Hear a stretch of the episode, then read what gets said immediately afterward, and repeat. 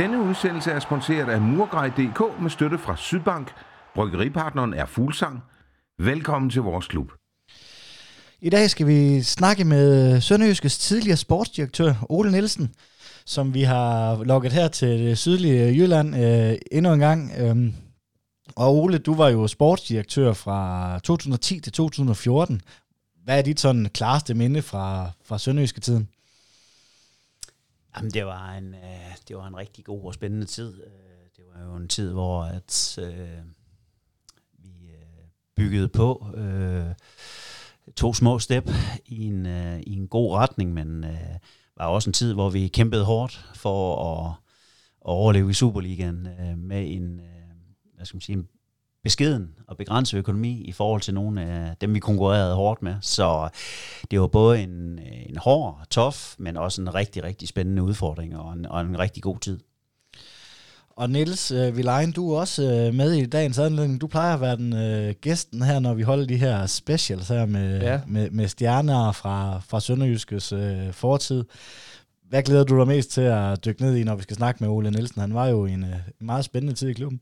Ja, det var han, bestemt. Øhm, jamen, jeg glæder mig til at måske få lidt at vide, og øh, sådan må ikke nødvendigvis få de, øh, de kontante øh, beløb på bordet, men i hvert fald høre noget om, hvordan det, selve alt det her med at være købmand som, øh, som sportschef, og noget med netværket ude i, øh, i international fodbold, hvordan tingene sådan hænger sammen som øh, sportschef, og hvordan man øh, har kontakter til agenter og scouts og så videre, hvordan tingene sådan ligesom forgrener sig. Så det det, jeg gerne vil, vil have noget viden om i dag. Jeg kan huske, da Ole han blev ansat, øh, det var Gaxa, han overtog fra, der var der sådan lidt, øh, jamen, jeg ved ikke, om det er en negativ ryst, eller hvad vi skal kalde dem, om at øh, jamen, Gaxa han havde spillet i klubben, kendt klubben, øh, hvor, øh, hvor Ole, han, han kom fra en øh, ishockey i fortid blandt andet. Øh, kan du huske, hvad du tænkte, da han blev ansat? Jamen, jeg kan huske, at jeg tænkte, at, øh, at det var, det var en, øh, en person, som jeg ikke umiddelbart øh, havde øh, sådan det helt store kendskab til. Jeg kan huske, jeg jeg googlede lidt og kunne finde frem til, at der også var noget om en fortid som spiller øh, i OB også, øh, som du havde netop havde fodbold ind under huden også på den måde. Men ikke, at det var jo ikke sådan, så det var en, et, et, øh, sådan et, et, et kendt ansigt øh, udad til i, øh, i dansk fodbold, som, øh, som kom til Haderslev. Vi glæder os i hvert fald meget til at dykke ned i dine, dine fire år som, øh, som sportschef i Sønderjyske. Ole, hvis vi skal prøve at sådan sætte en overskrift på dine fire sæsoner i, i Sønderjyske, hvordan skulle den så lyde, hvis, øh, hvis du helt selv måtte skrive øh, breaking news? Jamen, så jeg har jo været lidt inde på, at det, det, det var jo en tid, hvor, at, øh, hvor vi, jeg synes, vi, øh, vi tog øh, en god udvikling, både sportsligt, men også på faciliteter. En spændende tid, hvor at, øh, vi samtidig med tog nogle små steps, øh, jo også hele tiden havde kniven på struben. Det er jo en hemmelighed, at vi var, vi var jo voldsomt presset øh, i forhold til at skulle, skulle overleve i Superligaen. Og samtidig med vil vi gerne bygge på øh, øh, sportsligt. Øh, I forhold til spillestil begyndte vi jo stille og roligt at ændre lidt undervejs. Også i forhold til de spillere, vi fik ind. Øh, men men det, det skulle stadigvæk være på, på de dyder, som, øh, som vi jo var så kendt for, at det var, det var jo øh, det hårde arbejde, det var den, den direkte spillestil, øh, men vi ville jo også gerne i faser af kampene ligesom være, være lidt bedre på, på spillet, men, men det måtte ikke gå ud over det, vi var allerbedst til. Det var jo det her at kunne straffe modstandere, når, når de ligesom følte, de ligesom havde, øh, havde os lidt i en skruestik, havde, os lidt i, havde lidt momentum på os, at der kunne vi stadigvæk straffe hold, fordi vi var ekstremt stærke på det der direkte spil, som mange modstandere jo frygtede, når de mødte Sønderjyske. Så det var, det var en fase, hvor vi både forsøgte at udvikle, men også en fase, hvor vi stadigvæk skulle holde fast i nogle af de rigtig gode dyder, som var i klubben. Niels, hvis du skal prøve at sætte en overskrift på, på Oles øh, fire år, hvad vil øh, din overskrift så være? Vi har jo snakket om Ole før i studiet, for eksempel vores øh, julespecial, som vi kommer lidt tilbage til. Det var også lige en teaser, hvis øh, folk derude ikke har hørt den. Og det skulle nok være... Øh, Åh, sådan noget... Ja, jeg er lidt svært ved at strikke noget sammen sådan i hovedet lige nu, men det er i hvert fald noget med, at, øh, at det var også sådan lidt det lange seje træk. Øh, fra, fra start til slut. Men sådan lige en skarp sætning, den har jeg ikke lige i hovedet, men det var i hvert fald øh, med det hårde arbejde, det lange seje træk, og, øh, og ydmyghed også, som jo kendetegner klubben i dag, at det egentlig var meget, øh, der passer godt på det. Ole, du kom jo til Sønderjyske i sommeren 2010, øh, hvor Lars Søndergaard også tiltrådte som, øh, som cheftræner. Hvordan opstod øh, kontakten til, til Sønderjyske? Jamen, øh, siger Niels jo, at han ikke lige vidste helt, hvem, hvem vi var. Altså, det, det var jo nok mere på min, på min lidt spillerkarriere. Jeg var i Hamburg som helt ung, øh, hvor jeg desværre brækkede anklen, og så havde jeg nogle sæsoner efterfølgende i, i OB, hvor at, øh, jeg måtte stoppe tidligt kvæg, at øh, det her voldsomme øh, benbrud, jeg desværre fik i en tidlig alder som 17-18 år i Hamburg, øh, jo satte desværre en stopper for, for den karriere, som egentlig så ganske lys ud på daværende tidspunkt, var i overgang med Flemming Poulsen, hvor vi spillede på diverse ungdomslandshold sammen, og røg stort set afsted på samme tid, hvor han røg til Real Madrid og Castilla, og jeg røg til Hamburg, så det var, øh, der lå jo egentlig en, en lysende karriere foran, som desværre blev spoleret af skader, og så gik jeg jo sådan lidt, øh, hvad skal man sige, ledervejen. Jeg var først træner, og og efterfølgende var jeg jo forretningsfører i noget, der hed Aalborg Chang i anden division, hvor jeg var forretningsfører og træner. Jeg havde sådan en dobbeltrolle.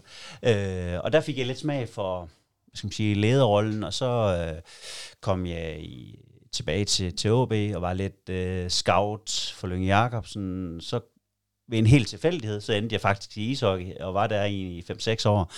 Men det gav faktisk en god ballast i forhold til det her med at, at lede, øh, at være øh, i fronten for en butik, fordi mekanismerne er stort set ens, om det er fodbold, håndbold, ishockey, øh, det her med at og, hvad skal man sige, tage lederskab øh, og sørge for, at, at man får en god dagligdag, den, øh, den fik jeg under huden. Og det var det, der også øh, gjorde, at, øh, at jeg fik smag for, at det var den vej, jeg skulle gå. Og øh, det var...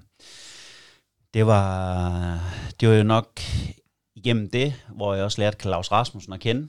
Øh, og, øh, og da øh, man øh, stopper samarbejdet med Gaxe, øh, har Claus øh, og jeg har haft nogle samtaler undervejs, og, og øh, det var der ligesom det hele, det, øh, det, det tog sin, hvad skal man sige, sin start, og jeg besluttede mig også for at, at skifte Nordjylland ud med Sønderjylland. Så øh, det var det var sådan lidt undervejs i en periode, hvor, hvor man øh, søgte en ny øh, sportsdirektør. Og så kom jeg jo ned, og, og der var Michael Hemmingsen jo træner den første sæson, øh, som vi jo så solgte til Randers FC. Og så skulle vi jo ud og kigge efter en ny cheftræner, og øh, der havde vi selvfølgelig flere emner på bloggen, øh, både danske og udenlandske emner. Men vi synes, Lars Søndergaard havde øh, rigtig meget af det, vi egentlig gik efter en træner, som havde stor erfaring, både øh, hjemligt, men også internationalt. Øh, og vi troede på også, at hans menneskelige egenskaber kunne passe rigtig godt ind i Sønderjyske. Altså det er jo også vigtigt, at vi fik en person, som ville vores projekt, og ville være en del af det.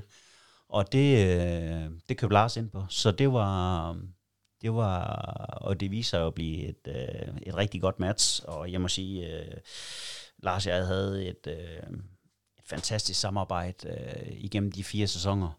Ikke at bølgerne ikke også indimellem kunne gå højt mellem ham og mig. Vi havde rigtig mange diskussioner og kunne tage rigtig mange øh, ture øh, om, hvordan og vi skulle, vi skulle gøre tingene. Men det er jo også med til at udvikle. Øh, der er ingen, der er, jeg tror ikke, der er ret meget udvikling i, vi sidder og klapper hinanden på ryggen hele tiden. Øh, og vi var del med, øh, også ude og gynge nogle gange, øh, hvor, at, øh, hvor det blæste omkring øren på os. Og der var det vigtigt også, at vi fik vendt mange ting.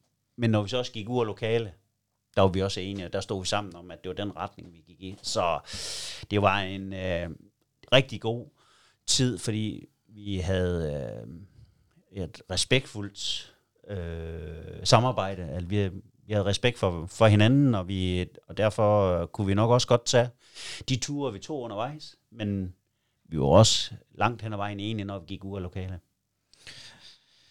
Ja, både dig og Lars, I havde jo en, øh, en for, eller er nordjyder og en fælles uh, fortid i OB. Spillede det nogen rolle, at, at, at, at, at I ligesom var to nordjyder i en, en sønderjysk klub?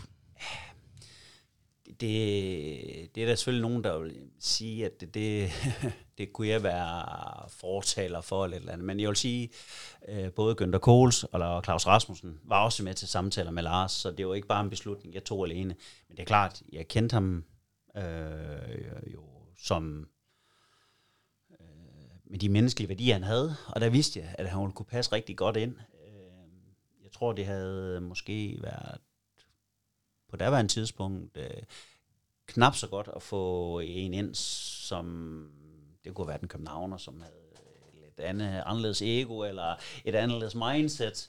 Det var vigtigt, at vi fik en ind, der, der kunne passe ind i vores projekt, fordi ellers så, øh, øh, så tror jeg, vi har haft svært ved at lave de resultater, vi lavede på daværende tidspunkt, fordi der, der skulle man virkelig, øh, der skulle vi stå sammen, når det blæste om øren på os, og der var Lars god, øh, kunne også stå op i vinden, der han trods alt var i nogle store klubber, øh, Red Bull Salzburg og Austria Wien, øhm, øh, med flere, som, som, hvor han har prøvet, øh, hvor der har været pres på.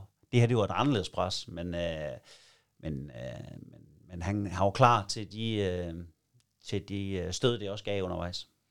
Hvordan var det så at, at overtage for Gaxe? Gaxe, han var jo øh, en, en, en levende klublegende, tror jeg godt, jeg tør at sige. Altså havde spillet i klubben, øh, var, var vældig af, af fans, øh, havde også skabt nogle øh, gode resultater. Hvordan var det at, at overtage for, for ham? Nå, det var egentlig, det var egentlig enkelt. Altså, jeg kunne jo mærke i, i hvert fald i administrationen at, øh, og bestyrelsen, at jeg havde rigtig god opbakning i forhold til, til det arbejde, jeg skulle til i gang med. Og, og den plan, som jeg ligesom havde øh, sammen med bestyrelsen lagt, at, øh, eller hvad vi, øh, hvad vi gerne ville. Øh, og, øh,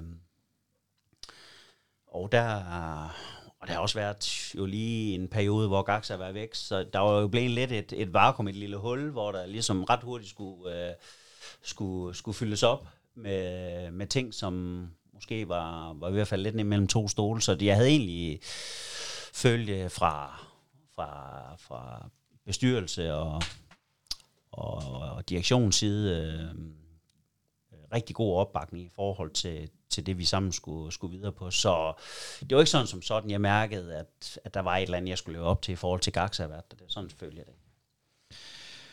Du kom jo til fra, øh, hvor du, eller du havde forinden, der havde du også været sportschef i Blokhus i, i anden division. Hvordan var det at gå fra et, øh, et, et semiprofessionel, hvis det overhovedet var det i Blokhus, til at skulle være i en Superliga-klub? Jamen altså, jeg, jeg savnede jo fodbolden i den tid, jeg var i, uh, i, i ishockeyen. Det, det, det lagde jeg slet ikke skjul på, og, og da jeg fik muligheden for at komme tilbage til fodbold, der ville jeg gerne det. Uh, og uh, havde så den uh, en sæson i, i Blokhus inden, uh, inden det her. Men jeg kunne også mærke, at, at jeg manglede det der kick eller suset fra det allerøverste niveau, som jeg havde været vant til. Øh, og og det var noget af det, der var i hvert fald var drivkraften, drivkraften også i, at, øh, at jeg gerne ville øh, prøve kræfter med, med Sønderjysk og Superligaen. Så, så det var helt klart det der med igen at, at spille med på allerøverste niveau. Hvad var dit øh, første indtryk af Sønderjyske sportlige setup og kvaliteten i truppen, øh, da du øh, kom den i sommer i 2010? Ja, men jeg kan huske øh, de første møder, jeg havde med, med Claus Rasmussen og og Sommer og Günther Kohls på daværende tidspunkt, øh, da de viste, øh, øh hvad spiller der var tilbage fra sæsonen før. Der stod der 17 mand på, på truplisten. Og på økonomien, der kunne jeg også godt se, øh, øh, at økonomien, den, øh, den var ikke sådan lige til, at vi kunne komme op på en trup på en, øh, en 4-25 mand. Så jeg kunne godt se, at øh, der skulle trylles fra dag der stort set. Øhm, og, øh, og at, at det her, det, øh, det bliver godt nok en, en voldsom opgave. Men øh, vi fik, øh, vi fik øh, ret hurtigt tilført øh, Quincy Antipas, som jo viser at være en, øh, en rigtig god signing, øh, en profil, ikke bare i Sønderjysk, men i hele Superligaen. Og øh, ham, øh, det var, jeg tror faktisk, det var den første transfer, vi fik lavet, jeg lavede. Og så ret hurtigt efter fik vi hentet Henrik Hansen ind, som var lidt i, overskud i OB. Og vi vidste jo, hvad Henrik Indeholdt var en fantastisk øh, øh, kreativ, dygtig midtbanespiller, øh, som vi også havde brug for på daværende tidspunkt. Der var rigtig mange folk, der, eller rigtig mange spillere, der havde øh, øh, arbejdstøj på, øh, var gode, øh, havde en rigtig god indstilling, var, var, var rigtig gode fighter, men, men vi manglede også noget kreativitet. Og med Quincy og med Henrik Hansen, jamen der fik vi lige pludselig et par stykker ind, som jo med det samme øh, kom til at fylde rigtig godt på vores hold, og, øh, og fik en stor rolle på vores hold, og det var vigtigt, og så fik vi lidt senere på det efterår også øh, Mustafa Kusukovic ind fra Harsvag. Øh, og de tre spillere var jo helt klart med til, at vi, øh, vi lige pludselig kom til at se anderledes ud end de 17 mand, jeg så øh, om sommeren, da jeg tiltrådte. Så det var, der var vi både dygtige og heldige øh, med, at, at fik nogen ind, som, som ret hurtigt kom til at bidrage rigtig, rigtig godt. Der er jo meget snak om øh, nuværende øh, træner Glenn Redersholm med, med faciliteterne og spydkast på, på træningsbanen. Var det også sådan dengang? Fordi det er jo først nu, når Glenn han er, han er kommet ind, at vi rent faktisk har høre, høre om det her. Det lyder voldsomt, at det har foregået alle årene, men det har det måske. Det har det, ja. Vi havde jo øh, atletikbanen som træningsbane, og øh, jamen, den delte vi jo med, med skolen, eller med skolerne. Øh, så indimellem så havde de jo idræt, øh, inden vi skulle træne, eller efter vi skulle træne, eller samtidig skulle det idrætsdage, hvor vi måtte flytte på en anden bane, og så videre, så videre. Så det var det også dengang. Vi tog det lidt mere nok i en øh, stiv arm på daværende tidspunkt, og, og øh, var accepteret nok lidt mere, at øh, jamen, det var små kår, og vi skulle bygge tingene op, og selvom Lars og jeg, og jeg sammen med bestyrelsen også ville gøre tingene lidt mere professionelle og, og lægge nogle lag på, øh, jamen, så var der også nogle ting, vi bare blev nødt til at acceptere og se gennem fingrene med, at øh, det var sådan, det var. Øh, jeg kan jo også huske, da vi kun havde den ene tribune, og der var ståpladser på de tre andre sider. Øh, I dag er det jo fantastisk stadion, så der, der er jo sket rigtig meget på, på 10 år, øh, både på på facilitetssiden, men, men også øh, i forhold til de forhold, man har fået. Øh, selvom jeg så kan høre stadigvæk, at der foregår spydkast på, på træningsbanen. Er det også et udtryk for, hvor Sønderjyske er i dag i forhold til ja, for 10 år siden, at øh, i dag der går man ud og påvejer lidt mere, man er, man, er, man er måske lidt ikke så ydmyg mere, som man var dengang, altså hvor man bare sagde, Nå, sådan er, er kogen altså. I dag der presser man også lidt på på den front det, det gjorde vi, begyndte vi også allerede med dengang, men det er klart, at i takt med, at hvad skal man sige, det hele har udviklet sig øh, over årene, jamen, så tror jeg også, man kommer lidt lettere igennem med nogle af de ting, som vi måske også slåsede med dengang, men som havde lidt svært med at få, få, få trumfet igennem. Men, øh, men øh, det, øh, ja, det, det kan godt ske, at, at tingene jo selvfølgelig har ændret sig en, en lille smule i forhold til, at dengang... Øh, var vi jo lidt mere ydmyge omkring det hele, og, og vidste bare, at vi skulle bare løfte i samle flok, øh, alle, hvis vi skulle øh, lykkes med missionen. Niels, hvad tænker du øh, over øh, om det her, at, at det her med spydkast, som, som jo er en af de store ting i, i Sønderjyske lige i øjeblikket, måske lige overtrumfet af, af nye ejere, men, men at der bliver, at, at der alle dage har været spydkast på, øh, på træningsbanen? Jamen, det er helt, helt grotesk. Og når man tænker på, at et øh, Superliga-hold øh, træner under de forhold, og det er jo noget, øh, jeg, det er ikke noget, jeg husker, det har været sådan bragt på banen på samme måde, som det er blevet her de sidste halvandet års tid. Men selvfølgelig, øh, tingene var jo på samme måde dengang, at øh, på den front er faciliteterne ikke blevet opgraderet. Så det er da klart, at det er jo helt vanvittigt at tænke på, at det, at det foregår øh, og man risikerer at ødelægge de ting, som man jo har brugt penge på, og, eller har investeret ikke med de her vanddyser. Øh, så det er jo bare, øh, ja, det er lidt grotesk at tænke på. Vi må håbe, at de, de nye ejere måske øh, kan give en uh, hjælpende hånd med der, så, så man også kan få de her træningsforhold op på, en, på et højere niveau. Inden vi går videre, så skal jeg lige, tradition tro, der glemmer jeg altid at byde jer noget at drikke, inden vi starter, så kunne I tænke jer noget for vores sponsor Fuglsang? Øhm, der er lidt af hvert, der er lidt cola og lidt, uh, I uh, trækker bare for jer, hvis der, der var noget, I kunne tænke jer. Jo, tak. Øhm, jamen Ole, lad os prøve at gå lidt igennem dine, dine sæsoner. Øh, du var jo som sagt i fire sæsoner. I din første sæson, øh, 10-11, der slutter Sønderjysk som nummer 7 med 39 point det er klubbens bedste placering i Superligaen til dato. Hvordan husker du den sæson? Jamen, det var... Øhm, det var jo... Øh, det var jo en, en sæson, hvor vi var presset, øh, som vi var stort set alle sæsonerne i den periode. Øh, men hvor vi lige pludselig øh, i slutfasen øh, rammer på det helt rette tidspunkt. Øh, tre kampe i træk, husker jeg tydeligt, hjemme mod Esbjerg. Vi er bagud 1-0, øh, vinder 2-1. Henrik Hansen, og som jeg husker, Hedinson, en 3-4 minutter før tid, hætter en ind, øh, så vi vinder hjemme. Og så øh, efterfølgende vinder vi 1-0 hjemme over Lyngby, hvor Quincy Antipas scorer, også tror jeg 5-6 minutter før tid. Og så skal vi til Aalborg, og der er en vanvittig spændende runde der. Det er næst sidste spillerunde.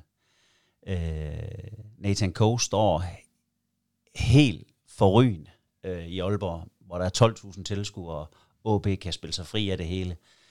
Øh, og der vinder vi 2-1. Øh, jeg tror, det var Quincy Antipas og Søren Frederiksen, som jeg lige husker det, der scorede derop.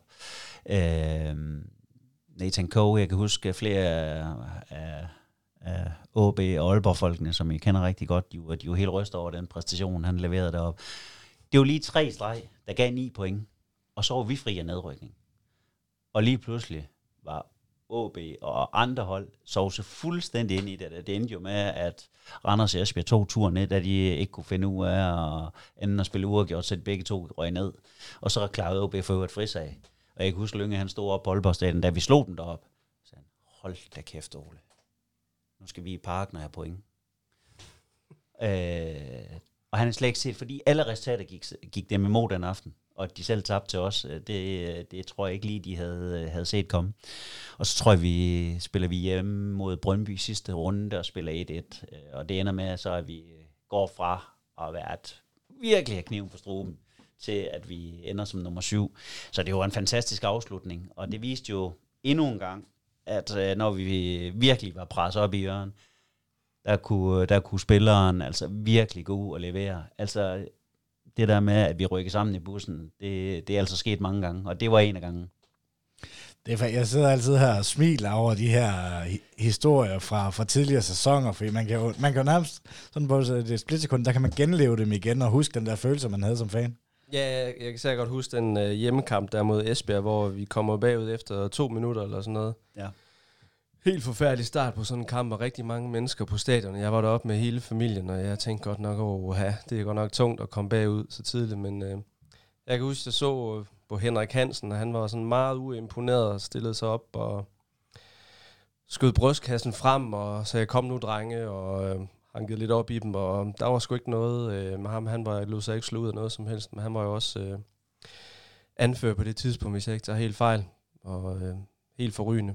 Så, øh, men jo, de der tre kampe, der kan jeg godt huske. Øh, og ja, hjemmekamp mod Lyngby, hvor øh, at det spillemæssigt ikke var sådan helt fantastisk, men øh, det er jo ligegyldigt, når øh, det ender med at, at vinde.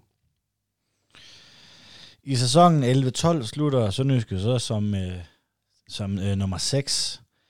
Øh, endnu en gang med pointrekord, endnu en gang med flot placering i, i klubbens øh, historie det er også en måde at stemple ind i Sønderjyske på at bevise sit værd med at slå rekord efter rekord. Er det ikke, Ole? Jo, det var, det var jo en sæson, hvor vi, vi begyndte at bygge på øh, spillemæssigt. Efter, man kan sige, de, de, øh, den, den første sæson, det var, det var ren overlevelse. Så kom Lars Søndergaard jo ind, og, øh, og der blev vi i hvert fald enige om, at nu skulle vi forsøge at se, om vi ikke lægge lidt mere på vores spil. Og øh, også i takt med de typer, vi fik ind. Altså, nu havde vi fået eksempelvis Henrik Hansen og Quincy Antipas ind. Derudover så fik vi jo også en Hedinson ind, og vi fik jo en Lasse Vibe ind. Øh, vi fik Tommy Beckman ind. Altså, vi lige så fik vi nogle offensive kræfter, øh, som kunne, hvad skal jeg sige, individuelt mere, end måske nogle af de spillere, vi har haft tidligere. Og øh, der, der, der følte vi, at at nu kunne vi begynde at lægge en lille smule mere på, på vores spil, øh, rent offensivt.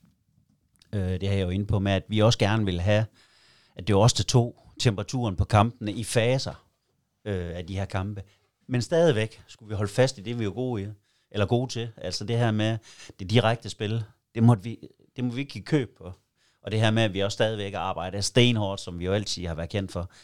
Så det var jo en balance i at forsøge at udvikle lidt på vores spil, og stadigvæk holde fast i de der gode dyder, som, øh, som vi jo havde. Men øh, det, var en, det var en sæson, hvor, at, øh, hvor vi virkelig, øh, synes jeg, var, var på vej til at, at stabilisere os i Superligaen. Altså, det var der, hvor man fik en fornemmelse af, hov, vi spiller med mod dem alle sammen nu. Altså, det var ikke den her, hvor vi stod øh, med bussen parkeret uden for feltet, øh, når vi mødte nogle af de store hold. Jeg synes, vi gav dem kamp til stregen, og vi begyndte at, at få et, øh, et bedre udtryk. Øh, og det var, det var der, hvor man fik troen på, hov, vi er, vi er egentlig vi er på den rette vej nu. Og øh, der, der, der er muligheder for, at vi kan begynde sådan og have ambitioner om at spille med i midten af rækken. Øh, så det var, det var sådan lidt, synes jeg, de to sæsoner var lidt startskud til, at vi begyndte sådan at bygge lidt på. Som du nævner, så er det jo også i den her sæson, at man vælger at sælge øh, Michael Hemmingsen til, til Randers. Øh, hvordan var det? Du har været i klubben i en sæson, så er der lige pludselig bud efter din øh, cheftræner, så skal du lige pludselig finde, øh, finde på noget nyt. Øh, som, øh, jamen, altså, cheftræneren er jo en, øh, en vigtig post i en fodboldklub, må man sige. Absolut. Jamen, det var selvfølgelig øh, specielt, øh, der lige pludselig kom bud på en træner. Øh, men jeg vidste jo også godt, at når der kom bud på nogle af vores, øh, i hele den periode, jeg var der, altså, så øh, var vi jo i en situation, hvor at, at vi som oftest øh, blev nødt til at sælge, når der kom bud på både træner og de bedste spillere. Så det var sådan, det var, og det var, det var så bare med at komme videre, og så ud og, og, og, kigge markedet an øh, i forhold til træner, og lige så var det jo som også på spillersiden, når der kom øh, bud på, på nogle af vores, så måtte vi jo ja, kigge på, øh, hvad er der af muligheder nu, fordi øh, vi vidste godt, at når nogle af de store klubber begyndte at, at, at vifte med, med en eurosedler, så, så øh, havde vi svært ved at holde dem. Øh, hvordan var det sådan, altså jeg tænker, at dine profiler på hold, dem er man ligesom klar til at få, en, øh, få et bud på, øh, og der har man garanteret både en A, A, B og C. Jeg tænker, at træneren, det er jo, som selv nævnte, det er ikke så tit, at, at træneren bliver, bliver solgt. Øh, så det var nok ikke lige der, du havde brugt al din kraft på at lave en øh, plan B, hvis nu, at han skulle sælges. Øh, er, det, er det korrekt antaget? Nej, det er selvfølgelig det korrekt, fordi det kom selvfølgelig sådan og sent øh, på sæsonen, altså i slutningen af sæsonen. Øh, det er jo det var jo noget, man ikke var helt, vi helt var forberedt på, men, øh, men, men ret hurtigt begyndte vi jo simpelthen bare at, at sondere øh, både indlands og udenlands. Hvad var der af emner? Og øh, der lavede jeg selvfølgelig en, en, en shortliste til bestyrelsen om øh, på tre-fire emner, som jeg synes kunne være interessant at snakke lidt videre med. Ja, så var det også noget med, at øh, Søndergaard faktisk havde været til samtale før, før du øh, kom til klubben. Er det ikke korrekt? Det, han... øh, det fandt jeg ud af, ja. Det, øh, da, da jeg, han stod på listen, der siger både øh, Claus Rasmussen og Günther Kohls, at øh, ham har de tidligere haft en snak med, men der valgte han at blive i Østrig på det tidspunkt. Jeg kan huske det her med, med Randers og, og, og Sønderjyske, at, at, lige omkring det her tidspunkt, der, der Randers, de tager rigtig, rigtig mange af vores profiler. Eholm ryger op, Rasmus Hansen ryger op. Øh, Ja. David Ost, det var, også, det var så et rigtig godt bytte, det kan vi så lige vende, vende, vende tilbage ved. Der ved jeg ikke, hvem vinderen var i den øh, situation. Men, men det var faktisk der, hvor jeg sådan inderligt fik sådan et, et, et, et fodboldhad til Randers, fordi der, der følte vi os lidt, øh, lidt mindre end dem. Øh, kan du genkende sådan en følelse? Ja, helt sikkert. Og det, der også var, var irriterende ved det, det var jo også, at man ligesom, så blev tingene sat lidt på plads med i Superligaen med, med hvem øh, er over andre, ikke? Sådan øh, økonomisk set, at Jamen, at, hvor, altså, hvor er Sønderjyske i fødekæden på daværende tidspunkt, og at øh, jamen, Sønderjyske, vi, øh, vi sælger spillere til Randers, og vi sælger spillere til OB og så videre, ikke? at det er den vej, det går. Øh, så det var også bare det, som, som gjorde det, øh, at det, det var ikke så godt for, for stoltheden som fan, at man blev bare mindet om, jamen, hvor er man i fødekæden, og at øh, når vi har træner og spillere, der gør det godt, jamen... Øh, så ryger de videre i systemet, og det er ikke øh, udlandet særligt tit. Det er altså lige til en lidt, lidt større, lidt mere pengestærk klub i, øh, i Superligaen, så det var da...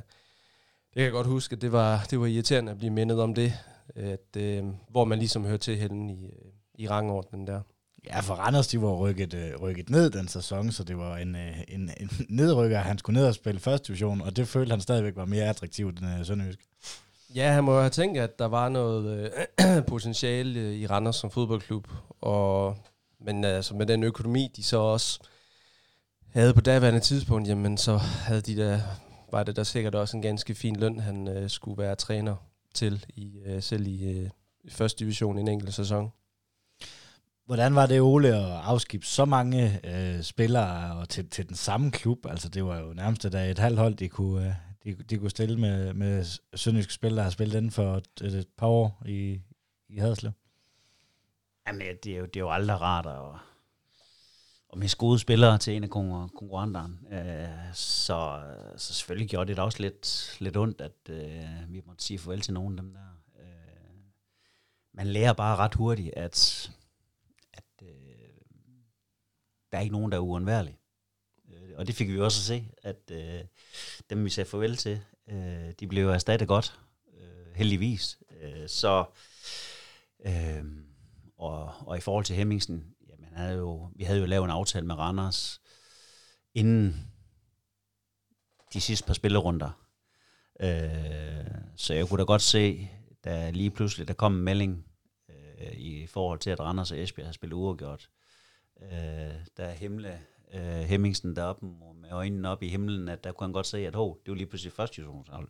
Han skulle op have. Det var nok ikke det, han havde forventet, da han øh, havde skrevet, skrevet under med Randers, at, øh, at han skulle en tur ned øh, med, med dem. Så ja, sådan er, sådan er game også.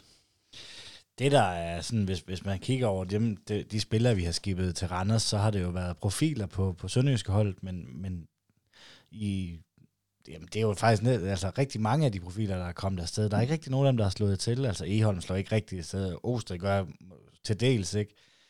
Øh, Rasmus, Rasmus Hansen gør jo heller ikke. Rasmus Hansen slår heller ikke til. Hvorfor tror du det er, at øh, de her spillere, de, de passer så godt til Sønderjyske og havde svært ved at, øh, at spille sig på andre steder? Jamen, jeg tror, det var, det var jo øh, både spillestilen her i, i Sønderjyske og øh, det omklædningsrum, der var.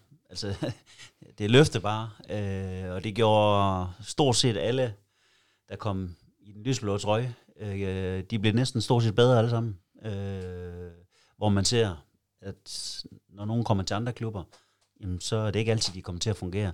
Og hvorfor, det, det er svært at svare på. Altså, øh, både Eholm og Rasmus Hansen var jo, var jo store profiler, øh, men kom jo aldrig sådan rigtigt til at spille en, rigtig stor rolle i Randers, nogle af dem. Så hvorfor? Øhm, ja, det er svært at sige. Men det er jo samtidig, de ryger op til en helt anden spillestil, hvor vores det her sammentømmer koncept med, med det hårde arbejde, med den direkte spillestil og så videre. Øh, også det her med, at nogen har jo følt sig øh, nogenlunde sikker på deres position på holdet. Og det giver en tryghed for nogen. Øh, og så kommer til en anden klub, hvor der måske er en helt, helt, helt anderledes konkurrence. Og, og det der er nogen, der, der ikke har det så godt med. Øh, det der er lidt ind og ud af holdet og så videre, og så videre. De finder aldrig en rytme i tingene. Hvor de her har spillet fast og været en stor del og haft en stor rolle på holdet. Øh, det er der nogen, der lever bedst med. Nu nævner du også øh, Lasse Vibe, som du henter i det her transfervindue. Øh, sådan, nu kommer du jo meget i sportsdirektørkredse. Er det et af de bedste køb, der nogensinde er lavet i, i dansk fodbold? Altså, uden at du kan, kan gå dem alle sammen igennem, men øh, er det ikke et af dem? Nej, det skal jeg jo nok passe på med. så lad os... Ja, det, er, det er mig, der, der, der siger det, men det er da klart, at... Øh, når vi ser på bag, tilbage på den tid, Lasse havde i Sønderjyske, øh, så var det jo en fantastisk signing. Altså, jeg så jo Lasse en 5-6 gange for Vestjylland, inden vi hentede ham. Og, øh, og der var nogle af mine kollegaer, der også var til de samme kamp. Øh, så I vidste godt, at øh, det kunne da godt ske, at vi var flere, der kiggede på, på den samme spiller. Øh, og i Sønderjyske, der skulle vi jo samtidig tage nogle chancer. Øh, det var vores lod i og med, at det var jo sjældent, vi gav transfers på nogle spillere. Så vi skulle jo finde nogen, der var transferfri, øh, nogen, som vi troede på øh, var udviklingsbare i vores miljø. Øh, og jeg havde nogle samtaler med Lasse, hvor jeg kunne mærke ham der, han har, han har godt nok en speciel støbning. Altså, det, han, havde, han havde noget helt, af det helt, helt rigtige. Man kunne bare mærke på ham der, at han ville det. Han er gået den helt store omvej. Sige fra i AGF, ned omkring FC Fyn, Vestjylland. Altså, han havde selv lagt en karriereplan, som han viste mig, hvordan han nok skulle komme tilbage til Superligaen. Der var lidt bum på vejen, men han skulle nok nå der. Og der kunne jeg bare mærke på ham der, at øh, altså, han havde det helt ret øh, mindset til, at han, øh, han ville øh, slå igennem i Superligaen. Og jeg kan huske Lars Søndergaard, efter vi havde trænet en 14 dage, tre uger, så kom han op og banke på øh, kontordøren. Øh, jeg kigger på ham. Hvad er det, Lars? Jeg siger snak med dig. Jeg tænker, Åh, der er han sgu et eller andet galt. Jeg kan bare sige, ham der vi har signet over for Estland, det bliver vores næste spillersalg. Ej ja, Lars, vi har trods alt lige kun trænet i 14 der tre uger. Øh, skal vi nu ikke lige komme i gang med at spille kamp, inden vi begynder sådan? Det garanterer jeg for. Ej, en outstanding, vores bedste mand på træning. Jeg tænker, okay, det er, det er der trods alt, øh, det lyder trods alt lovende, så, så det var, og, og, og det viste sig jo så, at Lasse, han, øh, han var jo ikke bare, han blev jo ikke bare en profil i Sønderjysk, han blev en profil i hele Superligaen, øh, og det var, det var jo en chance, vi tog, øh, fordi jeg, vi kunne jo se, at Lasse havde nogle åbenlyse kvaliteter, med hans fart, med hans dybdeløb, øh, hans timing i tingene og hans afslutninger. Men i første division, og kunne han så gøre det i Superligaen? Det var det svar, vi ikke kendte. Øh, men det var, det var den chance, vi måtte tage. Og for en transfer på 50.000, der, der synes vi trods alt, det var værd at prøve. Der var den. det var faktisk det, jeg skulle... Øh, jeg sad og ventede på, at jeg fik lov til at spørge om. Og det der, der er altid sådan øh, rygter og historier om, øh, hvad, hvilke beløb der er tale om, og der var det netop den der historie om, øh, jamen, hvor mange penge blev der egentlig betalt for Lasse Vibe, og det jeg havde hørt, det var de der 75-100.000, og så synes jeg faktisk, at du... Jeg har, jeg har hørt 40, 40 på et tidspunkt. Ja.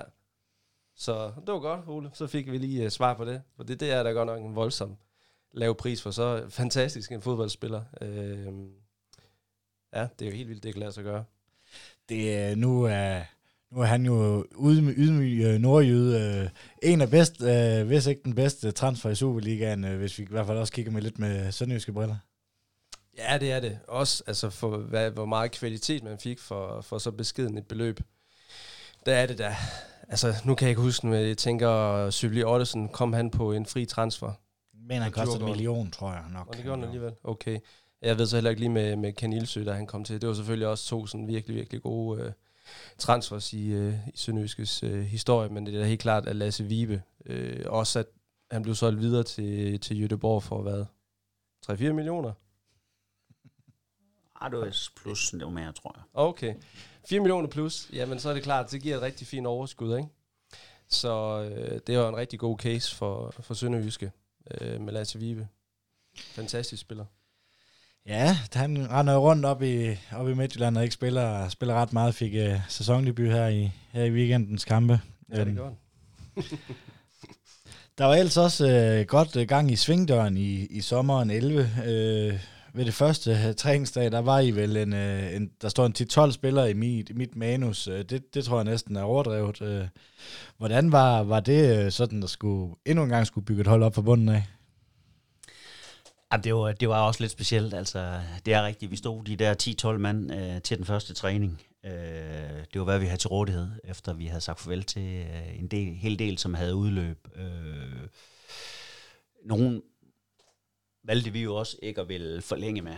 Det skal også siges. Og, og nogen øh, kom jo til, øh, til andre klubber. Så, ja, Skule, som blev solgt, ikke? Var ikke blev solgt, ja, korrekt, ja. til Sulte Vardegem, blandt andet. Så så, så vi skulle jo igen ud og ud i markedet og, og, og få lavet en slagkraftig trup. Øh, så, øh, men, men jeg synes stadigvæk, at vi havde en, en god base med, med, med nogle af dem der, der var kommet ind, altså med Quincy og med Henrik Hansen og, og nogle af dem, der var der stadigvæk øh, fra, fra, fra tidligere også. Og det gjorde jo et eller andet sted, at vi kunne, vi kunne, egentlig, vi kunne egentlig bygge videre på, på,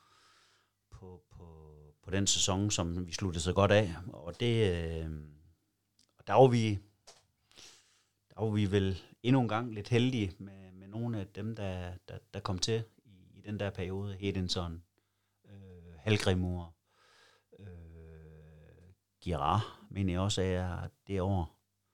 Øh, Adam Girard. Ja, det Adam er Girard. Øhm, øh, Brian O'Connor med flere. Så der, der kom også øh, igen nogle spillere ind, som, som ret hurtigt øh, gled ind og tog en øh, fast plads øh, i startopstillingen. Øh, og så, ja, udviklede sæsonen sig jo øh, rigtig godt, og, og vi sluttede der som, øh, som nummer 6 med, med, med 44 point, og det var, det var, det var rigtig spændende at se den udvikling der, øh, som vi tog over sæsonen, hvordan at øh, også nogle spillere jo, jo virkelig tog nogle kvantespring, øh, virkelig blev profiler. Altså, øh, Connor jo var, kom fra, fra Blokhus i anden division, øh, viste jo ret hurtigt at blive, blive stammespiller. Øh, Lasse Vibe, det samme, øh, kom fra, fra Vestland i første division. Der var nogen, der kom fra lavere niveau, ikke? Øh, Tommy Beckmann hentede vi hjem øh, fra, fra Freiburg. Øh, velvidende, at han har haft øh, en, skadeshistorik, der gjorde, at, øh, at ham skulle vi øh, stille og roligt have bygget lidt op igen. Og så vidste vi jo også, hvad, hvilke kvaliteter han havde. Øh, men det er jo igen nogle af de, øh, de sats, vi let måtte tage øh, med, en, med en beskeden økonomi, hvor vi ikke kunne øh, betale øh, transfers, eller helst ville være fri i hvert fald, øh, i forhold til den økonomi, vi havde. Så, øh, så skulle vi jo samtidig uge lede godt i krogene, og, og samtidig tro på, at der var noget af det der, som vi kunne få til at lykkes. I dine øh, fire år, jeg synes det her år her, der bliver lagt lidt på øh, spillermæssigt. Altså man henter en Tommy Beckmann, som du selv er enig på. Blev der også lagt lidt på på dit budget sådan i, i, i den her periode? For jeg synes, man henter, sådan hvis jeg kigger i retrospekt, så synes jeg, at man henter lidt, øh, lidt mere profilerede navne. Og måske, altså med Beckmann, det er jo klart, det er et sats med hans skadeshistorik, men, men stadigvæk øh, en kæmpe profil i, i Sønderjysk. Jeg vil sige over de fire år, der steg spillerbudgettet lidt hver år. Der blev lagt lidt på hver år, men, men det var ikke markant. Øh, hvis jeg siger, det var øh, omkring en, en god million, halvanden, det steg per år, fra det var rigtig lavt. Så, så var det i, i det leje, der vi snakker. Øh, men, men, men vi skulle jo hele tiden være meget, meget omhyggelige forhold til, hvem vi tog ind. Øh, og det er jo klart, når vi står med 10-12 mand, og vi skal lave en trup på gerne 2-23 mand, ikke? Øh, så ved vi jo godt, at når man henter 9-10 spillere ind, øh, jamen, de er jo ikke alle, der kommer til at slå til. Og sådan er det. Også, også når vi er i det segment, hvor vi var. Øh, det er jo lidt anderledes, når man som Midtjylland og FCK henter spillere til 10 og 15 millioner på en transfers. Der ved man nogenlunde med sikkerhed, hvad der er kvalitet, man får ind. Når, når vi er ude og hente spillere på frie transfers, og, og godt ude i krogene af den store verden indimellem, så ved vi også godt, der, at der kunne komme, eller der ville komme svipser. Og vi vidste også godt, at når du henter så mange, som vi gør, øh, de her 9-10 spillere, jamen, jamen kunne, vi få, kunne vi få en 6-7-8 stykker til at lykkes. Uha, så var det, så, så var det rigtig, rigtig godt.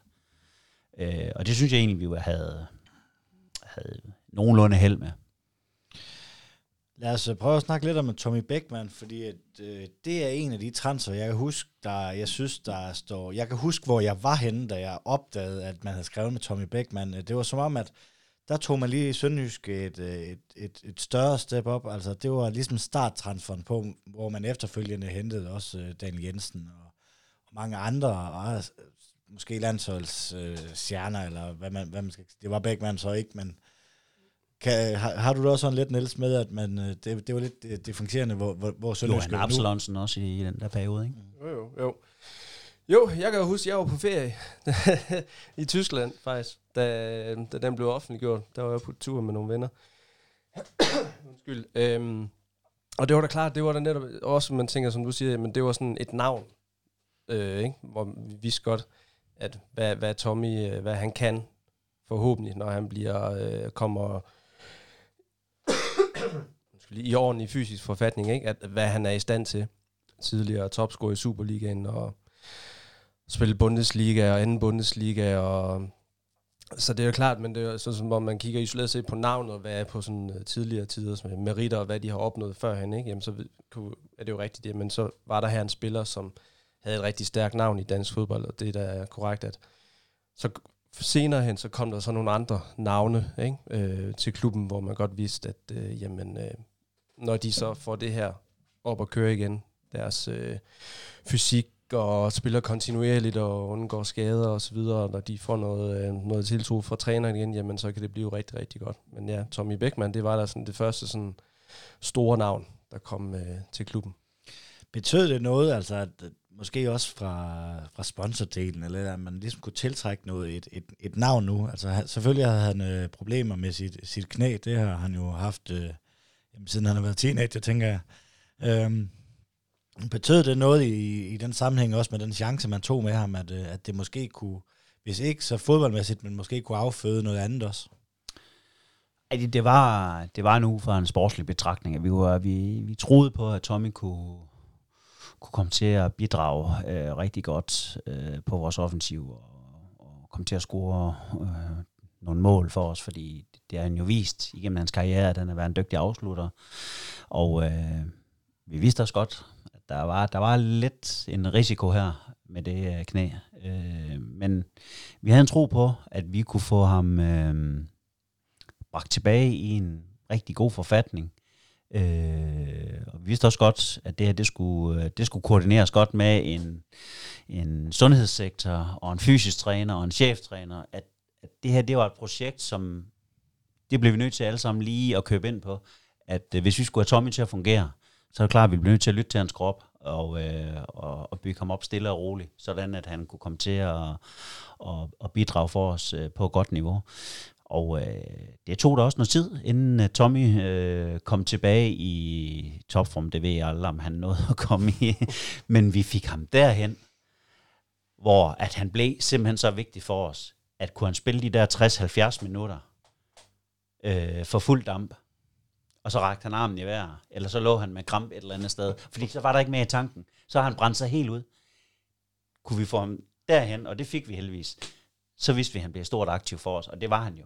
Og alle accepterede jo, at Tommy efter en kamp om søndagen, at vi nok først så ham sidst på ugen igen på træningsbanen, fordi der, der skulle kroppen lige restituere fuldstændig. Og så sad han op på cyklen to dage, øh, de to første dage i ugen på træningsbanen, øh, hvor de andre var på træningsbanen. Og så kom han øh, hen, hvor vi, vi igen skulle til at være i kampmode. Det var der en fuld accept af. Det var der for trænere, det var der for hans medspillere. Fordi de vidste godt, at Tommy, han kunne hjælpe os, og han kunne bidrage. Så det var, det var en, øh, en rigtig spændende case, fordi altså, det krævede noget af os alle sammen. Vi skulle acceptere, at Tommy ikke stod på træningsbanen hver eneste dag, øh, fordi så spillede han ikke om søndag, hvis han skulle det. Så, øh, så det, var, det var noget, vi fandt ud af under, undervejs i forløbet med Tommy, at øh, vi blev nødt til at dosere ham rigtigt. Og det, det var jo en kunst. Hvordan får man så kontakt øh, til, til sådan en spiller med, med sådan en CV, som man trods alt havde? Øh, jeg tænker ikke, at, øh, at altså, den første store udlandsdansker, man henter hjem, det er sådan, det, den skal lige, man skal lige øh, overstå det, og det skal lige for, at man tro, selv tror på, at det skal kunne lade sig gøre. Jeg tænker, det er altså godt nok en ikke, men jeg tænker ikke alligevel, at øh, I var de eneste på markedet, der, der kunne bruge en øh, Tommy Beckman. Nej, det var væk. Øh, jeg havde jo en god relation til, til hans agenter, som jo var Ivan Marco Benes og ikke mindst Henrik Risum, og, øh, de, øh, de nævnte jo, at Tommy nu var moden til at komme hjem. Jeg tror, Tommy han været den 27 på det tidspunkt, så han var jo heller ikke brændt ud. Altså, han var jo ikke, han var ikke 35, og det var lige var den sidste sæson. Altså, vi troede stadigvæk på, at der var en del sæsoner i ham. Øhm, og, øh, øh, og jeg har en dialog øh, med, med de her, der, der jo repræsenterer ham, og, og fortæller lidt om, om vores projekt, og hvordan vi kunne se ham, og så videre, og så videre. Og, øh, og jeg får en snak med Tommy, og siger også til Tommy, at øh, det er altså vigtigt, at, øh, at du skal vide det, den kultur, der er i Sønderjyske. Det er, der er et fantastisk omklædningsrum, og det er altså det, der bærer, bærer os igennem, at vi overlever på en forholdsvis øh, beskeden budget i forhold til vores konkurrenter. Så det er vigtigt, at du også bidrager dernede, og vil blive en del af det øh, fællesskab, vi har. Og, øh, og jeg havde en rigtig god snak med Tommy, og jeg kunne jo lynhurtigt mærke på, at Tommy var jo helt nede på jorden. Der var ikke noget hovski snovski i ham, selvom han har været 10 år i udlandet, og mange år han nu har været afsted. Øh, han var helt klar på, at han skulle hjem, og han har gode sæsoner i dansk fodbold. Så øh, han var topmotiveret for det, og synes, øh, at vi var et sted, øh, hvor det kunne han godt se sig selv være med til at bidrage i. Du henter jo også en Adama Girard, øh, en spiller, så jeg vidt jeg husker, så var han, var det var Burkina Faso, han var. Øh, Ja. Hvordan opdager man sådan en spiller? Jamen, det var faktisk på en af vores træningslejre i, øh, i vintermåneden, øh, hvor vi var i Tyrkiet, og øh, hvor vi har Brøndby som en af de første modstandere, når vi kommer tilbage og skal starte Superligaen op. Øh, og der er vi overset selvfølgelig, øh, Lars Søndergaard og jeg, øh, Brøndby spillede en træningskamp mod øh, et hold fra Moldova, og nu kan jeg ikke lige huske, hvor hvad, hvad navnet var. Jeg kan, jeg knap huske det. Øh, men der var så en mørk spiller øh, på det her øh, Moldo, øh, moldoviske hold, øh, som spillede mod Brøndby og vandt i øvrigt øh, 5-3 over Brøndby. Øh, og på det, tids, på det, på det andet tidspunkt havde Brøndby egentlig et, et fornuftigt stærkt hold. Øh, og ham der, han var totalt dominerende på midtbanen. Altså var, var øh, en motor af den anden verden. Altså var alle steder, Europa bolde, øh, og, og var totalt dominerende i den kamp der. Og vi begynder sådan set at, at snakke lidt om ham, Lars og jeg. Og så er der en bag ved mig, der, der prikker mig på skulderen. En uh, svensker. Det var så hans agent. Øh, er, er det noget, vi skal prøve at snakke lidt videre om? Øh, så siger jeg, ja, det, det, det, det kan jeg jo godt. Øh, hvornår skal han spille igen? Jamen, han, de skulle så spille øh, en tre dage efter. Øh, så der ville vi komme og kigge ham igen. Og vi tog og så øh, den næste træningskamp, de havde, og han var igen klart dominerende på det hold her. Og øh, jeg siger til, til ham agenten, at øh, det, kunne vi, det kunne vi godt tage en snak om. Vi har sådan set øh, nu set to kampe, hvor han har vist øh, sine kvaliteter. Og agenten og Gerard kommer på, på vores hotel, fik vi aftalt. Han fik, øh, han fik, øh, ham fik vi skjult ind på, på vores hotel, og han fik smuttet ud af hans, øh, hans hold. Han var med øh, på, fra deres hotel, og, og, og, vi, øh, og vi fik holdt et møde med ham, og han ville øh, rigtig gerne øh, til Skandinavien. Og, øh, og så til, til sommerens vindue, øh, det efterfølgende transvindue, ja, der, der signede vi ham så. Niels, det er jo en fantastisk historie, og hvordan også det her, de her fodboldmekanismer, det kan være så heldigt. Altså, det, altså havde det ikke været agenten, der havde sat og prikket ham på skulderen, ikke? så det være, de ikke havde opdaget, hvem han var. Ja, det er jo det. Det er sådan de små tilfældigheder også, som øh, gør sig gældende der. Det er en god historie med ham, for han var ja, fremragende øh, spiller. Og sikkert, ja, det ved du selvfølgelig, Ole, hvor meget han har kostet, men øh, sikkert ikke den dyreste spiller i... Øh, Det var 0 kroner i transfer i hvert fald. 0 kroner i transfer, det er en god pris, ja. Ja. Endnu en god spiller på en, øh, på en fri transfer, ja. ja. I øh, 12-13 slutter Sønderjyske som nummer 8 med 41 point. Det er din øh, sidste øh, sæson som sportschef. Øh, nej, og, undskyld, og, i- og øh, efterfølgende er selvfølgelig din sidste sæson som øh, sportschef. Det bliver lidt tilbagegang med, med en 10. plads og 38 point. Her der ligger man øh, ved vinterpausen, der ligger man 5 point op til den rigtige side af stregen, og, og det ser nærmest, øh, nærmest umuligt ud. Hvordan husker du øh, den sidste sæson? Ej, det, det var tof. Øh, jeg husker, at, at øh, vi har ekstremt mange skader øh, på vores vigtige, meget vigtige spillere. Øh, I lang, langvarige skader. Og det, det gør jo, at, øh, at vi er voldsomt udfordret på mandskabet. Det skal ikke være nogen hemmelighed. Øh, og, og vi må også sige, at øh, der havde, i det sommervindue, skal jeg være ærlig sige, der var der også et par transfers, vi ikke var så heldige med, som øh, også var med til, at vi ikke præsterede så godt, som, som vi havde håbet. Øh, og, øh, så den der samsur med af et par, par positioner, hvor vi ikke var så godt besat, og, øh, og de her mange skader, det gjorde jo, at vi var, vi var voldsomt udfordret. Og, og som du også øh, er inde på, at vi havde fem point op til stregen. Der vidste vi godt, at øh, det januar transfervindue, der skulle vi gå nok ramme rigtigt. Øh, på dem, vi skulle hente ind. Hvis vi skulle have en chance for at overleve. Og så skulle vi have en rigtig god opstart, og vi skulle komme rigtig godt i gang med, med forår i Superligaen. Øh, fordi vi skulle, som sagt, hente de der fem point ind. Øh, var vi startet op med at tabe de første to-tre kampe, jamen, så vidste vi jo godt, så havde vi nok været over. Så det var... Ej, det var et nervøst... Det var et nervøst øh, januar transfervindue, og det var en nervøs periode. Øh, og jeg kan huske alle kampene, altså vi havde virkelig kniven på struben. Nej, nej, nej. Det var, det var barsk. Ja, for det er jo et vindue, hvor man henter Kanstrup ind, Skender ind, øh, Silas Ungarni og Ruben Okotje. Øh, det er jo også spillere, der går ind fra, fra dag 1 af og, øh, og gør en forskel. Ja, det må jeg sige. De var, der, der, der, havde vi en, der havde vi en heldig hånd. Øh, Kanstrup havde vi jo fuldt i Fredericia, havde været rigtig, rigtig stærkt over. Og øh, ham fik vi tilknyttet. Og, øh, og det var jo også vigtigt, at vi fik en målmand ind. Øh, erkende, at Håkon Opdal øh, desværre ikke holdt det niveau, som vi havde håbet og troet på. Og vi øh, sendte jo ham tilbage til Norge efter et halvt år. Og så har vi Skender, øh, som vi henter ind, øh, som vi vidste var en kvalitetsmålmand, men var jo også en 2-33 år, da vi hentede ham.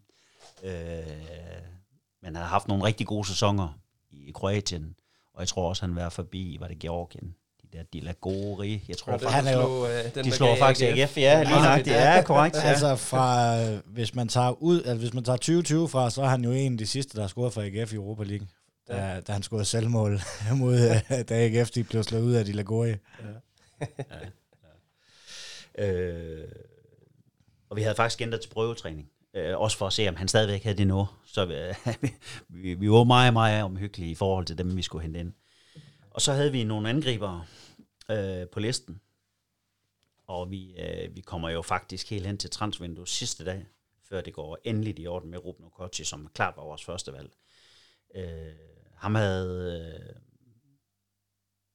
via mit, mit netværk en østrisk agent, øh, som jeg kender rigtig, rigtig godt, og, øh, som jeg havde stor tillid til.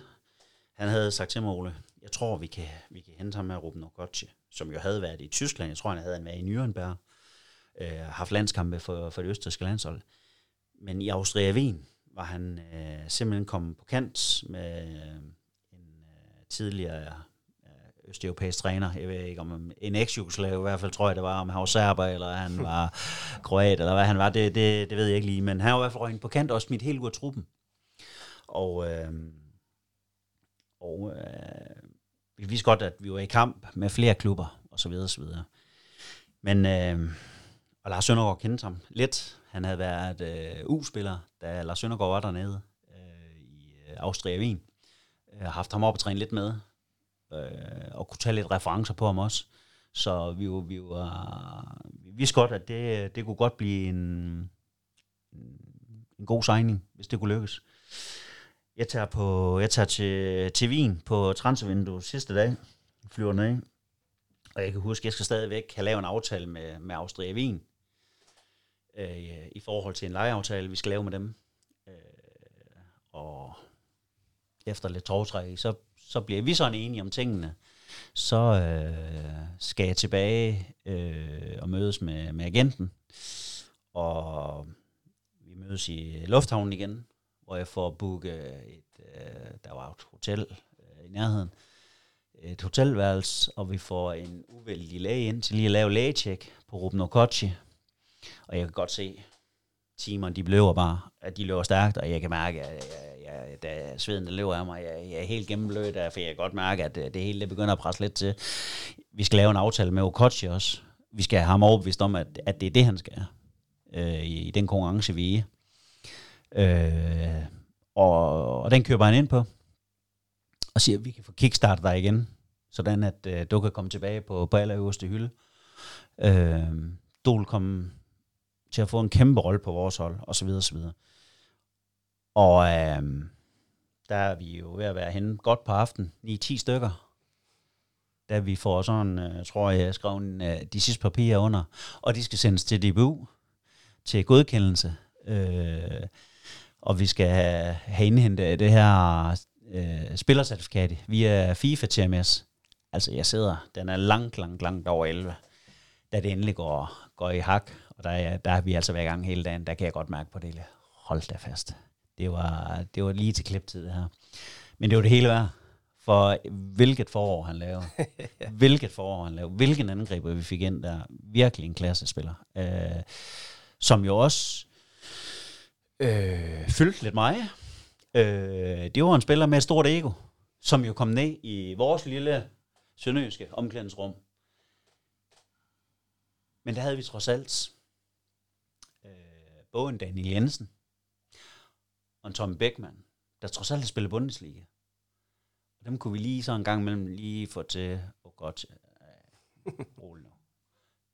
Der var de gode til ligesom at tæmme ham. Og han har respekt for de to, fordi de har spillet Bundesliga. Så der, det lykkedes os et eller andet sted. Men jeg vil nok sige, havde vi ikke haft sådan to personligheder nede i omklædningsrummet, som havde prøvet at spille på den øverste hylde også, og har kommet ind, øh, jeg tror, han kunne have været svær for os at, at få til at fungere, hvis ikke vi har haft øh, et par stykker, som var rigtig gode til lige at lægge en øh, hånd på skulderen af den unge mand og sige, øh, vi skal være alle sammen. Det er imponerende historie, og, og man sidder nærmest og får stress, når du det, selvom man kender. det, er, det siger måske lidt sig selv med, hvad var det, 11 mål i 15 kampe, men hvem er de her... Ja, det var 13 i 15, ja, var det ikke? 13 mål i 15 kampe, ja. ja. ja. Øh, hvilken af de her fire var den, var den bedste, bedste signing? Altså, de har jo hver deres historie, jeg tænker. Altså, du tænker på Kanstrup Skender, Songani og Okochi. Ja, lige præcis. Jamen, der er jo ingen tvivl om, at øh, jamen, alle fire var jo bidrog jo rigtig godt til, at vi overlevede. Det skal ikke, det skal ikke være nogen hemmelighed. Øh, Skender var jo stærk i mål, men det er jo klart, Okochi med 13 mål i 15 kampe. Det er jo angriber, der stjæler overskrifterne, og det, øh, det var det jo også her. Altså, han var jo øh, outstanding i den halve sæson. Han var virkelig, virkelig, virkelig dygtig. Så det må jo blive ham, øh, selvom altså, vi, vi kan sige, uden de fire der, havde vi nok ikke overlevet den sæson, fordi det så jo, det så jo mildest talt øh, meget, meget anstrengt ud, da vi startede det der forop. Det skal ikke være nogen hemmelighed. Der havde vi virkelig kniven for struben. Der var helt inde at trykke på struberud. Altså, det var, det var en, det var en tof halvsæson, vi var, vi var igennem der. Jeg kunne godt lige tænke mig at nævne Opdage lidt, fordi han kommer jo fra start, så vidt jeg husker, øh, flot CV i landskampe. Brand, tror jeg faktisk. Ja, ja Brand, det er rigtigt. Brandbergen, ja. Så, så kom han bagefter, selvfølgelig var det start, så. Ja. Eller, Ja. Øh, flot CV, han har. Øh, øh, ja, hans debutkamp, det var 1-6 mod, mod Randers, øh, hvor det ene mål, der går ind, det er et langskud fra kamper, tror jeg da. Øh, uden at, men han bliver aldrig en succes, kommer så tilbage til, til Norge igen og, og bliver en uh, kæmpe succes igen. Hvordan har det man, men det med sådan en historie, at øh, jeg tænker, øh, du har gjort et forarbejde perfekt, som du skulle. Han var egentlig faktisk et skuebæk i forhold til hans øh, CV. Slå bare ikke til i Sønderjysk. Og vi havde ham der til prøvetræning i 14 dage. Øhm, øh, spillede en reserveholdskamp for os, og vi havde jo vores målmandstræner på ham i de 14 dage, han var der. Altså virkelig øh, testede ham godt. Øhm, og, og vi, var, vi var også overbevist om, at det kunne blive en god erstatning for Nathan Coe. Det blev det så, ikke? Og hvorfor? Ja, det, det, det er svært at sige. Altså, der er jo bare nogle spillere, de øh, fungerer i et miljø, øh, og så kommer de på en ny adresse, og der kommer de ikke til at fungere. Øh, og jeg, jeg har hørt efterfølgende, at efter han var til prøvetræning hos os, der har han en eller anden skade, som han bliver opereret for. Øh, for da han starter op hos os, der, der er han hæmmet og siger selv til vores målmandstræner, at han skal lige igen gang efter den der mindre operation. Men det var altså ligesom om, der var et eller andet, der var sket i hvert fald. Øh, øh, det var, øh, vi fik ham aldrig til at fungere. Øh, han faldt aldrig til. Heller ikke i omklædningsrummet. Og, og det sker jo bare en gang imellem, øh, desværre. Øh, fordi vi var også sikre på, at som sagt, at, øh, at det, kunne, øh, det kunne have været rigtig godt, men, men det blev det ikke. Og det var ligesom om også, at han blev, øh, han blev mere og mere nervøs og usikker, som tiden gik. Og han kunne mærke, at øh, det kørte ikke helt, som vi alle sammen havde håbet. Øh, så, og det var også øh, jo medvirkende til, at vi, blandt andet, at vi lå dernede. Altså, vi siger jo samtidig, at, at målmand, de, øh, de skal redde nogle point over sæsonen. Det kommer han desværre aldrig til. Tværtimod var han jo meget øh, impliceret i en del mål. Øh, jeg husker sågar en kamp mod Silkeborg, jeg tror det var nærmest fra midten, de scorede, øh, eller to, to træk over midten, hvor de scorede fra, ja, fra 45, 40, 45 meter. Altså det var, det var, det var, det var en af de øh, signings, hvor man bagefter tænker, åh, oh, det, øh, det blev desværre ikke, som, som vi håbede. Hvis vi også lige skal nævne øh, den sidste Silas Songani, øh, som egentlig kommer ind, øh, starter som, øh, som lyn og torden med et mål op i, i øh, Vestjylland, øh, hvor vi vinder 4-1 og ligesom får startskud på det her, det her comeback. En spiller, der senere bliver udlejet til, til Norge, bliver udlejet til anden division øh, FC Sydvest. Øh, man kan ikke rigtig komme af med ham. Øh, men gør det egentlig godt på Superliga. Jeg husker, han kommer ind i en kamp, jeg tror faktisk det efter, han har, udlejet, har været udlejet, kommer ind og scorer til øh, 5-2 over, øh, til, eller over Midtjylland. Hvad er historien med ham? Altså, han var jo virkelig vældig øh, i klubben, som jeg kunne forstå det. Nu har jeg jo kun øh, en halv sæson øh, øh, at arbejde sammen med ham der. Og der var han jo øh, et godt aktiv for os øh, med hans fart. Øh, og der har vi jo sagt farvel til Lasse Vibe, tror jeg det er. Så vi manglede jo virkelig og fart på den ene kant. Øh, og, og, og den der halvsæson bidrager han jo rigtig, rigtig godt, både med mål, assist øh, og med, med rigtig mange gennembrud, indlæg. Øh, han var jo rigtig farlig i den der halvsæson. Og hvad der så sker derfra, mm, der har jeg ikke sådan øh, længere helt kontrol over, hvordan overledes han fungerer i dagligdagen og så videre, men, øh, men, men efter den halvsæson gik det jo desværre øh, ikke, eller lidt ned ad bakke, øh, og bliver lejet ud øh, i flere omgange, ja. Det her forår, det kulminerer så i de to sidste runder. Først med en øh, 3-0 sejr over Aarhus, øh, som sender dem i, i første division, og i sidste runde, der bliver FC Midtjylland besejret 3-1. Hvordan husker du at, at fuldføre det her vanvittige comeback? Jamen, det var jo... vi fejrer det rent faktisk to gange. Da, da vi vinder i, i, i 3-0 i Aarhus, der er vi jo sikre. Og så kommer der jo lige pludselig nogle... Øh, nogle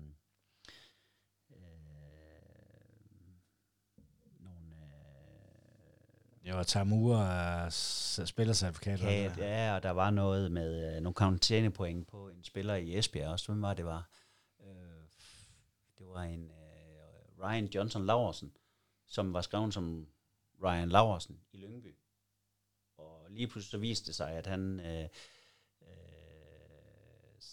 havde, havde flere karantænepoint, og de mister nogle point, og der, der er jo lige pludselig nogle ting, hvor AGF lige pludselig får nedlagt nogle protester, som gør, at øh, hov, så var vi ikke reddet alligevel. Fordi lige pludselig fik de tildelt nogle point af AGF. Og det gjorde, at hvis de vandt med x antal mål i Aalborg, og vi selv tabte øh, med x antal mål, jamen så kunne vi jo lige pludselig ryge ud i sidste runde. Og efter AGF-kampen, hvor vi vinder 3-0 op, jamen der er drengen jo taget i byen. De fik jo åbne, hedder det Crazy Days, nede i, gade, nede i, i Haderslev. Henrik Hansen og company og, og festede, fordi nu er vi reddet. Og så øh, i løbet af ugen, så finder vi lige pludselig, hov, nu skal vi på den igen mod Midtjylland, som jo rent faktisk kunne blive mester.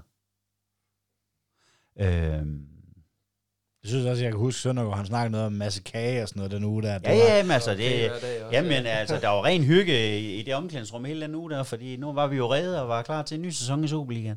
Og så er de her kar, øh, øh, karantænepoint øh, dukker op, og, og der er nogle protester og så videre, som, som lige pludselig gør, at hov, nu skal vi altså ud og, og have point igen. Jeg tror, vi skulle, ja, vi skulle have point for... Og jeg tror, som jeg husker, kom vi ikke bagud mod Midtland. Det må jeg lige være der svar skyldig lige i to Vi vinder sekunder. 3-1. Øh, men jeg kan i hvert fald huske, at, øh, at undervejs, der tænkte man, hu, have meldinger for, for, for, for Aalborg var stadigvæk 0-0 og så videre, og så videre, men, men jeg, tror, vi, jeg tror faktisk, vi kom bagud 1-0, og så øh, begynder man jo at sidde der med lommeregneren. Puha, hvis de nu kom foran 2-0 derop, og vi kom bagud 2-0, og puha, og, altså, men så tog øh, en vis herre Okochi jo øh, lidt sagen i egen hånd, så, øh, og så slog vi øh, Midtjylland, så de ikke blev mestre. Øh, hvor jeg kan huske, Glenn, han sad og, og græd nede ved stolpen. Øh, øh, fordi de mistede mesterskabet øh, ved, at de har tabt til, til os i, i sidste runde. Så en fantastisk afslutning, et fantastisk forår, øh, hvor vi fik hentet de der fem point, som vi skulle. Øh, det, var, det var virkelig stort. Det var en stor bedrift. Altså, det må jeg sige, det var, det var fantastisk. Det var jo som sagt din, øh, din sidste sæson som øh, sportschef, øh, og nok det mest mindeværdige comeback. Var det også den sæson, der står klarest for dig, den, den sidste, og det må være et godt, godt aftryk at give faklen videre på, tænker jeg. Jamen, jeg synes, hele perioden var enormt spændende med den udvikling, som var gang i. Øh, og hvordan alle de arbejdede stenhårdt øh, for at skubbe det her projekt rigtige retning. Øh, der blev lagt små lag på. Det var jo spillere, det var trænerstab, øh, det var, det var ledere omkring, øh, det var administrationen med Claus Rasmussen i spidsen, øh, det var bestyrelsen, Gønt og, og Kohls og Paul Davidsen, og de rystede ikke på hånden, når det blæste lidt om øren på os. Altså, det var bare en fantastisk tid, hvor vi, øh, vi løftede i samlet flok. Øh, vi fik lavet øh, langsidstribunen færdig i den sæson. Øh, nu er det helt så blevet lukket af. Det er helt fantastisk at se. Øh, vi fik øh, den her indendørshal med, med kunstgræs, hvor vi kunne træne om vinteren. Altså, der, der blev virkelig gjort noget på facilitetssiden, samtidig med, at vi også rent sportsligt, øh, synes jeg, hele tiden var, var i en god udvikling.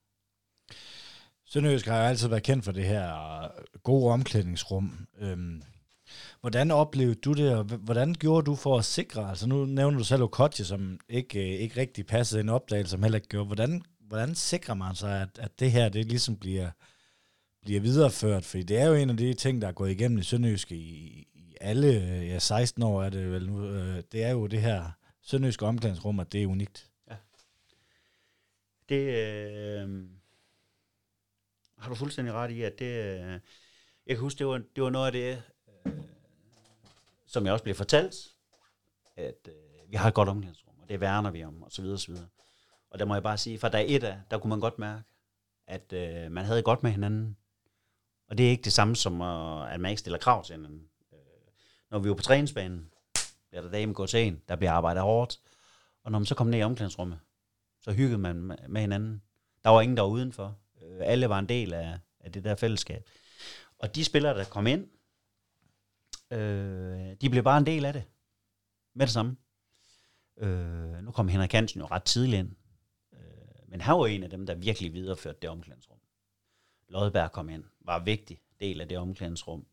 Johan Absalonsen, øh, vigtig del af det omklædningsrum, øh, som jo stadigvæk er en del af det. Og, og jeg er helt sikker på, at det er en af, en af dem, der i dag øh, sørger for, at, at der stadigvæk er et godt miljø i, i det rum der. Øh, men det var bare alle, der kom derned. Daniel Jensen, Tommy Beckmann, der havde prøvet meget andet ude i store klubber. Spillet for 40, 50 og 60.000 tilskuere. Øh, de kom ned i lille Sønderjysk og, og bare, synes bare, det var mega fedt, hvordan vi havde i det omklædningsrum. Og det øh, udlænding blev en del af det. Øh, der var ikke nogen, som havde det, ikke havde det godt. Altså, du, jeg tror næsten ikke, I har hørt nogen, der tager fra Sønderjyske og snakker dårligt om det omklædningsrum. Jeg har ikke hørt det i hvert fald. Nej, og, det det, og det er bare noget, øh, og, og, og vi gjorde også en dyd ud af det som ledelse, i at det var vigtigt, at vi holdt fast i det. For vi vidste også godt, det var det, der skulle bæres igennem, når det blæste om ørerne på os. Det var, at øh, så kunne vi lige gå ned, og så rykker vi sammen i bussen, når virkelig det brændte på. Så det er svært at sige. Det er ikke noget, man bare kan lave. Altså, jeg har jo været i andre klubber siden. Jeg har aldrig oplevet noget som det omklædningsrum i Sønderjysk. Aldrig. Kom aldrig til det. Øh, uanset hvor meget man gerne vil forsøge at få noget til at ligne, eller i hvert fald blive noget i den stil. Jeg mødte John Thomsen, som jeg havde i Sønderjyske, da jeg kom til Randers. Og han måtte jo også erkende, han sagde, at vi har det fint her i Randers, men der er ingen omklædningsrum som Sønderjysk. Og, og det, det er bare sådan, der. Altså, det er, det er ikke noget, man kan bare kan lave. Øh, men man kan jo se nu, dem der kommer ind, altså nu, også Mark P. er kommet ind, og Del Hente og sådan noget. Jeg kan også mærke, det er jo også nogle typer, som også gør alt for, at det der omklædningsrum, det øh, bliver fastholdt. Med at det, det, er, det er noget unikt.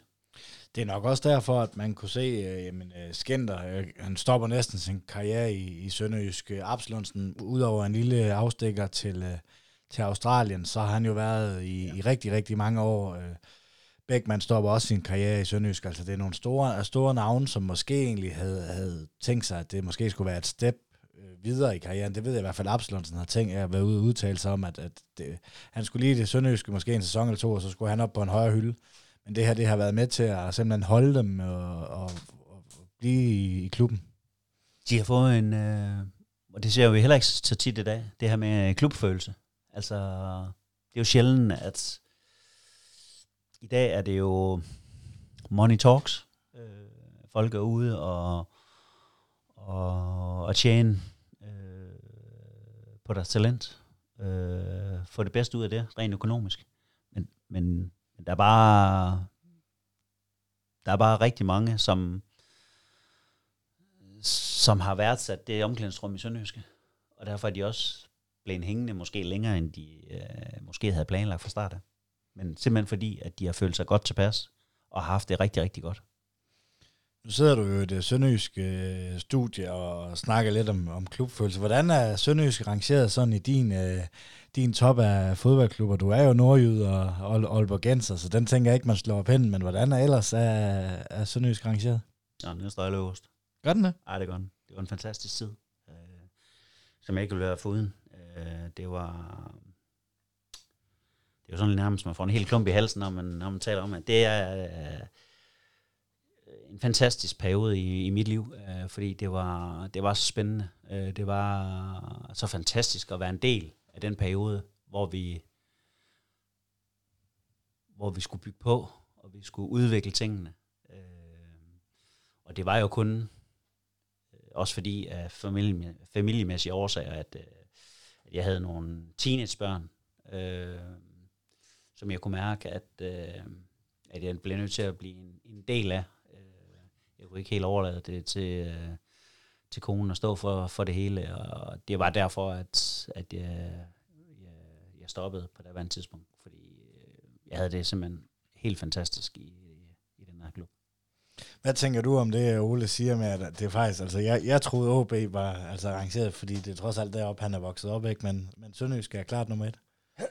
Jo, det, det, det er meget, meget øh, positivt overraskende, at, øh, at det er Sønderjyske, der, er helt op øverst på, øh, på skamlen der.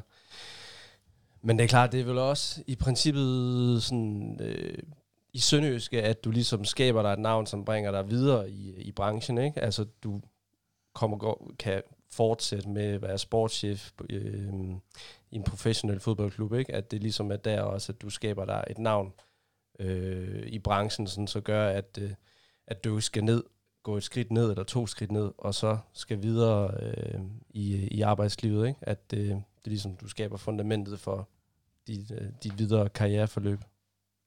Jamen, det, det, det er da rigtigt, at, øh, at øh, jeg fik da selvfølgelig også øh, kvad tiden her nogle muligheder. Øh, også nogle muligheder, som, som ikke er blevet til noget. Øh, af forskellige årsager.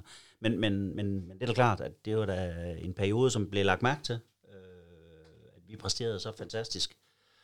Øh, alle vidste jo godt, at vi havde øh, et, et, et, et mindre budget, øh, og derfor egentlig, hvad skal man sige, måske præsteret over evne i forhold til økonomi, i forhold til de kollegaer, vi havde, men, øh, men det var, altså, det var bare en fantastisk tid, og jeg, jeg må jo erkende, at, øh, alle de sønderjyder, jeg har mødt, øh, det, det er jo fantastisk øh, folkefærd, og, og den klub, med de mennesker, der var, som jeg har været inde på, altså både administration og bestyrelse med videre, øh, det er et fantastisk sammenhold, der hernede. Det, det har jeg altid øh, øh, været så imponeret over, hvordan man har bakket op om den her fodboldklub, det, øh, eller hele projektet øh, Sønderjyske. Det, det, det har været fantastisk, hvordan man har, har kunne mærke, at øh, også i de tider, hvor det er gået mindre godt, at alle de har bare bakket op omkring tingene. Det, øh,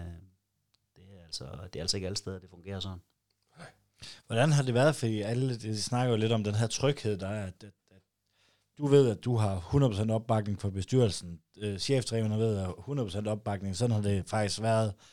Ja, vi har fyret øh, Ole Svendesen øh, og Morten Brun som de eneste øh, over de her 16 års levetid. Det tænker jeg også nærmest en eller anden Superliga-rekord. Hvordan har det været at arbejde under den her tryghed, og man bare, altså du har jo også, også leveret, altså øh, må man, må man sige. Jamen, jamen det er jo, øh, det er jo alfa og omega, øh, at man ved, at der er opbakning, og vi vi er sammen om, de afgørelser, der vi også træffer. Og, og, og det ved vi jo godt i det job her, at øh, nogen er populære, nogen er mindre populære. Sådan er det jo altid, og det skal man også være klar til, at en gang imellem, så, så får vi jo lidt øh, skældu og lidt øretæver for, for de beslutninger, vi træffer, men, men, men der har bare været øh, samsurium i, øh, i ledelse, bestyrelse, om at det er det, vi gør. Øh, og der har været opbakning, også til de dispositioner, vi har foretaget os undervejs, og det, øh, det giver bare en, en ro til at arbejde, øh, også øh, en mulighed for en gang imellem at komme i helikopterhøjde. Øh, fordi man kan jo se, altså i dag, det er jo... Øh, det er jo blevet en, det er jo blevet en vild branche, den her fodboldverden. Det må vi bare konstatere. Altså, træner, sportschefer med videre, altså, de bliver fyre fra en side. Altså, lige så snart der lige det går ret godt, så, øh, så finder vi noget nye, og så prøver vi noget andet. Og, og der, der er mange steder manglende tålmodighed. Altså, det var jo lige før, at øh, rigtig mange klubber, de burde jo have øh, lidt øh, supervision her fra Sønderjysk om, hvordan man gør tingene, fordi det kunne man lære mig af. Her på vores klub, der, øh, der kårede vi dig jo som øh, årtids øh, sportschef i vores øh, julespecial. Endnu en teaser, hvis folk lige vil ind og, ind og høre den. Det synes jeg, synes jeg folk burde. Det er, det er en spændende, hvor vi kommer omkring rigtig, rigtig mange spillere. Jeg tror også næsten, din signatur må være på en øh, 5, 6, 7 af, af spillerne på det, det holdkort. Hvad tænker du om, at, at, at dit aftryk også har været så stort for os fans i, i klubben? Jamen, det er det både bære og stolt over. Øh, og som jeg også har sagt flere gange, jeg, jeg synes jo også, at øh, min efterfølger Heisen gør det rigtig, rigtig godt, det må jeg sige. Øh, jeg synes virkelig også, at han er, er meget dygtig på, på, på transfermarkedet, og også på, på flere andre fronter. Øh, vi satte jo lidt i gang med, med talentudviklingen, øh, som han har videreført også. Øh, og det begynder jo også efterhånden at give lidt på det nu. At nu begynder stille og roligt at komme flere og flere øh, sønderjyder ind omkring øh, truppen. Så det er jeg selvfølgelig glad for, at, øh, at, øh, at man har leveret sådan et fornuftigt positivt indtryk øh, i den tid, man har været der. Ja, for Niels, du var, vi to, vi var uenige. Jeg havde faktisk Heisen, øh, Heisen som, øh, igen på grund af, men, men det er jo også, det er jo to, altså selvom klublogoet er det samme, og stadion, så, eller stadion er jo ikke det samme mere, det er jo helt andre økonomier, Ole arbejder under, som Heisen arbejder under. Ikke for at sige, at Heisen ikke har gjort det godt, men, men du var jo en af dem, der, der, der stemte på Ole. Ja, det gjorde jeg, men det var også fordi, jamen, jeg tænkte, øhm, altså noget, det, det skal man jo også måle op imod økonomi, ikke? hvor mange midler man har til rådighed, og så selvfølgelig den tid Ole var her, øh, de fire år, Ole var her. Det budget, som du havde øh, mellem fingrene, og så det budget, som Heisen har nu, og selvfølgelig det er blevet større og større i løbet af de her jo snart, hvad er det jo, seks år, ikke, efterhånden han har været sportschef. Jamen, hvad, hvad, øh, hvilke resultater er der så blevet skabt ved hjælp af de midler, der har været til rådighed? Og der synes jeg så, jamen, øh, at du så var et mulehår foran hejsen med, øh, når man tænker på, jamen, det budget, du arbejdede med, og hvilke spillere fik du til klubben på en fri transfer, eller på en, øh, for en meget beskeden transfer, hvor meget blev de så solgt videre for, og hvor dygtig var du til at erstatte dem en til en? Hvor jeg så synes, at, øh, at der var, var du virkelig skarp til at og, også rekruttere fra, fra første division, og det er jo også noget, jeg altid har undret mig over, hvorfor der er så mange klubber i øh, Superliga, som er til synligheden så dårlige til at, at gå til fodbold i første og anden division, fordi der gemmer sig rigtig, rigtig mange dygtige spillere. Og hvor også når man så kigger på, jamen de spillere, som du hentede til, var med til at hente til klubben, jamen rigtig mange af de, af de spillere, som også var bedst, øh, mens du var sportschef, jamen det var nogen, som kom til fra første division. Øh, Quincy Antipas fra anden division, ikke? Nej, kom han til... Var det var for Køge, ja. Første division, ja. Men det er jo nogen, som går ind øh, nærmest fra første dag, og så bare bliver profiler på holdet, og bliver solgt videre for et øh, rigtig godt beløb. Så øh, det er jo nogle andre forudsætninger, som, øh, som Heisen har. Selvfølgelig også rigtig dygtig sportsdirektør. Men øh, når man sådan tænker som øh, med, med købmandskab, der synes jeg, at øh, det var jo nok dybt imponerende, det du, øh, det du leverede de fire år der. Ja, tak. Jamen, øh, jeg kan da også kun se misundeligt til, at Heisen han har fået øh, de midler at arbejde med, han har. Ja. Det kunne man da ønske sig. du har jo solgt og købt rigtig, rigtig mange spillere, Ole. Vi har snakket lidt om Okocha, men hvis du skal prøve at nævne sådan dit øh, bedste køb og din største forbier. Nej, jeg bliver nødt til at dele, lidt det her, fordi der er, jeg synes, der er, der er flere, der... Jeg synes, der er sådan to grupper i det her. Jeg synes, jeg synes jo, det er jo klart, Quincy Antipas, Ruben Okocha og Lasse Vibe, jamen de var, det var nogle enere, som jo, og det er jo klart angriber, de, de stjæler lidt med overskrifter, og de, øh, de var dygtige, alle tre på hver deres måde. Jeg, jeg synes, det var, øhm, det var, det var, det var nok de tre bedste, sådan lige umiddelbart. Men, men, men der var en anden gruppe også. Altså Henrik Hansen, Beckmann, Abslonsen, Skender, Lodberg, Girard, Daniel Jensen, Henderson, Nikolaj Madsen. De var altså også med til at kitte noget sammen i vores trup. Halgrimur også. Øh, der var sådan 8-10 mand, som virkelig var med til at kitte holdet sammen. Og var, har været lidt kulturbærer, synes jeg. Øh, været der i længere perioder, og været vigtige for holdet. Øh, og være vigtige for omklædningsrummet. Dem der, de var, de var ekstremt vigtige for omklædningsrummet. Det var Lasse Vibe for øvrigt også, men, men, men, men, men den næste gruppe her, jeg nævner, det, det er altså nogle spillere, som var med til at få det hele til at fungere i dagligdagen. Det er sekseren i omklædningsrummet, altså den der... Ja, det kan du sige, ja. Man ikke, ja, ikke ja, ser så meget, ikke gør så meget, ja.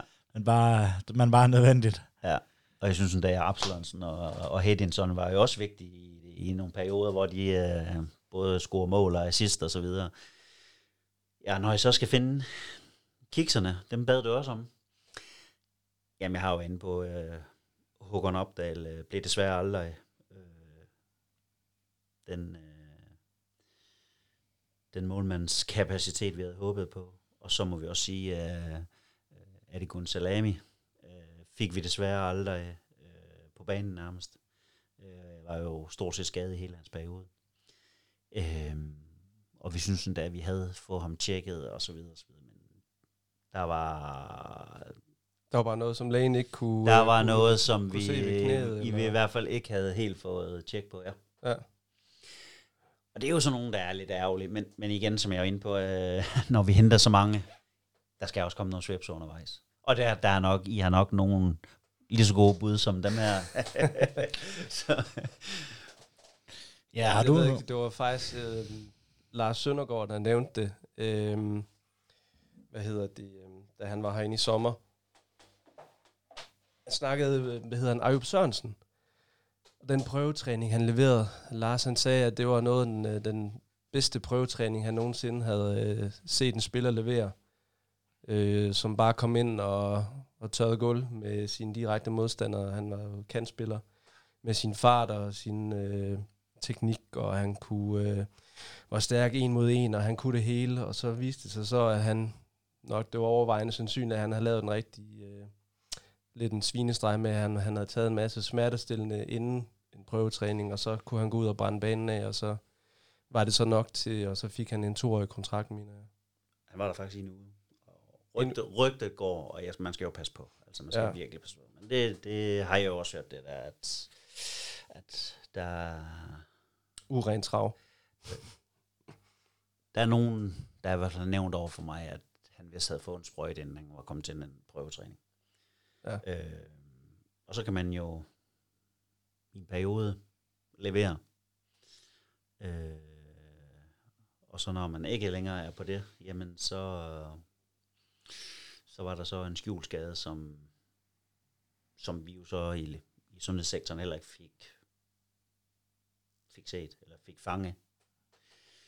Og det er jo, det er jo ærgerligt sådan nogle ting, men, men, men det er altså også svært, øh, når der er, som Lars nævner, er nogen, der har lidt urent trav. Men man kan ikke helt have havde jo Tørnsen, selvom han har snydt Ole, fordi han var trods alt skyldig, at vi, vi rykkede op sidste gang.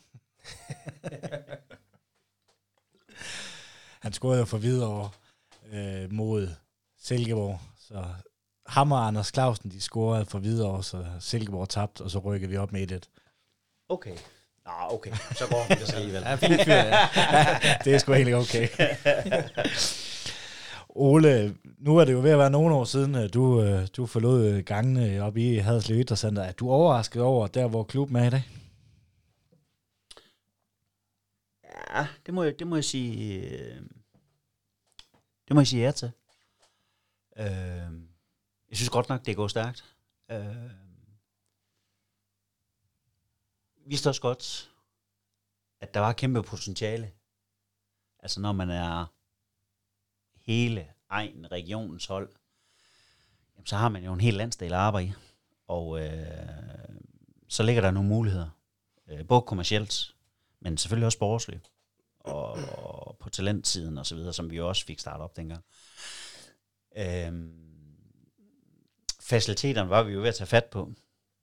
At det blev så fantastisk, øh, som det blev. Altså, det er jo virkelig fedt stadion at komme på nu. Altså virkelig fodboldstadion, hvor stemningen den bliver derinde, den fiser ikke bare til himlen, det er, øh, det, det, det, øh, det er jo supert. Øhm, og så er det jo klart, at øh, med de to flotte resultater, altså en sølvmedalje og i sidste sæson en pokaltitel, det er, det er jo fantastisk flot. Øh, når jeg tænker tilbage på, hvor var vi henne rent økonomisk, og hvor, vi, hvor er man så i dag, og hvad man præsterer. Det, det er, at man, det var jo det et eller andet sted, vi arbejder hen imod, at vi skulle blive en fast bestanddel af Superligaen, hvor man ikke kun tænkte på, at vi skulle overleve. Øh, og der er man jo kommet hen nu. Altså nu øh, er det jo en ambition om at komme med i top 6, øh, med rette, at man har den ambition. Og det er jo fedt, at man er nået øh, så langt. Øh, men at, at alting, både at man har fået A-licens på ungdom, at man har rykket sig op og blevet en, et eller andet sted mellem, hvad skal jeg sige, nummer, nummer 3 og 8, 9 stykker i dansk fodbold. Det er man jo øh, fra, at det bare var ren overlevelse. Og at økonomien har fået det ryg, som den har fået. Øh, det er det er flot, og det er imponerende. Det er, jeg sidder helt, helt og stolt på min fodboldklubs vegne.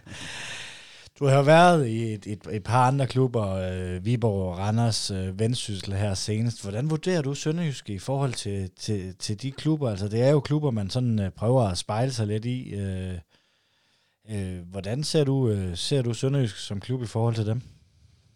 Jamen, de har, man har helt klart øh, øh, stor fortrin i, at man er øh, regionens hold. Man har en hel landsdel, hvor man kan sige, Viborg, Randers, Silkeborg, AGF, øh, Hobro, øh, Midtjylland, de ligger rigtig mange klubber inden for geografisk et lille, meget, eller et lille område, og kæmper benhårdt, både øh, på den kommercielle side om sponsorkronerne, men også på den sportslige del. Øh, som jeg var inde på, altså, øh, det var jo af familiemæssige årsager, jeg øh, valgte at, at sige, at jeg blev nødt til at også være en del af, af familien derhjemme i Aalborg. Og der kom Viborg øh, stort set samme dag, som det blev meldt ud her, at øh, de ville rigtig gerne have mig tilknyttet, og det passede rigtig fint i forhold til at kunne lægge køre for Aalborg til Viborg. Og efter knap to sæsoner, øh, der var Randers på mig i rigtig lang tid. Og det var ikke for, at jeg skulle øh, have været væk fra Viborg egentlig, men til sidst så blev øh, muligheden og tilbuddet så godt, at jeg, jeg simpelthen ikke kunne sige nej. Og på derværende tidspunkt var Randers jo også øh, et top 4 hold. Øh, havde en rigtig, rigtig stærk trup. Så sportsligt var det, det, det var rigtig svært øh, at sige nej til. Øh, at der så kom Michael Gravgaard ind, øh, ikke ret lang tid efter jeg var ansat, og jo øh, skulle til at fortælle alt og alle om, hvordan man skulle til at drive fodboldklub. Til trods for, at det var hans første job, eller første topjob øh, i dansk fodbold. Øh, og var voldsomt præget af den tid, han har haft i medieverdenen. Øh, det, det, det, det gjorde jo bare, at, at, at det var det, det stred bare mod alle de værdier, jeg havde, og som jeg havde været en del af hernede. Øh, det her, det var bare totalt modsat, at man skulle råbe højt og højest og alt muligt andet. Øh, og det var bare langt fra, fra både den stil og de værdier, øh, som jeg var, jeg synes, at, at man skal have i en fodboldklub. Jeg synes, vi skal, vi skal alt for at vinde. Næsten alt, hvad det kræver. Men vi skal også opføre os ordentligt.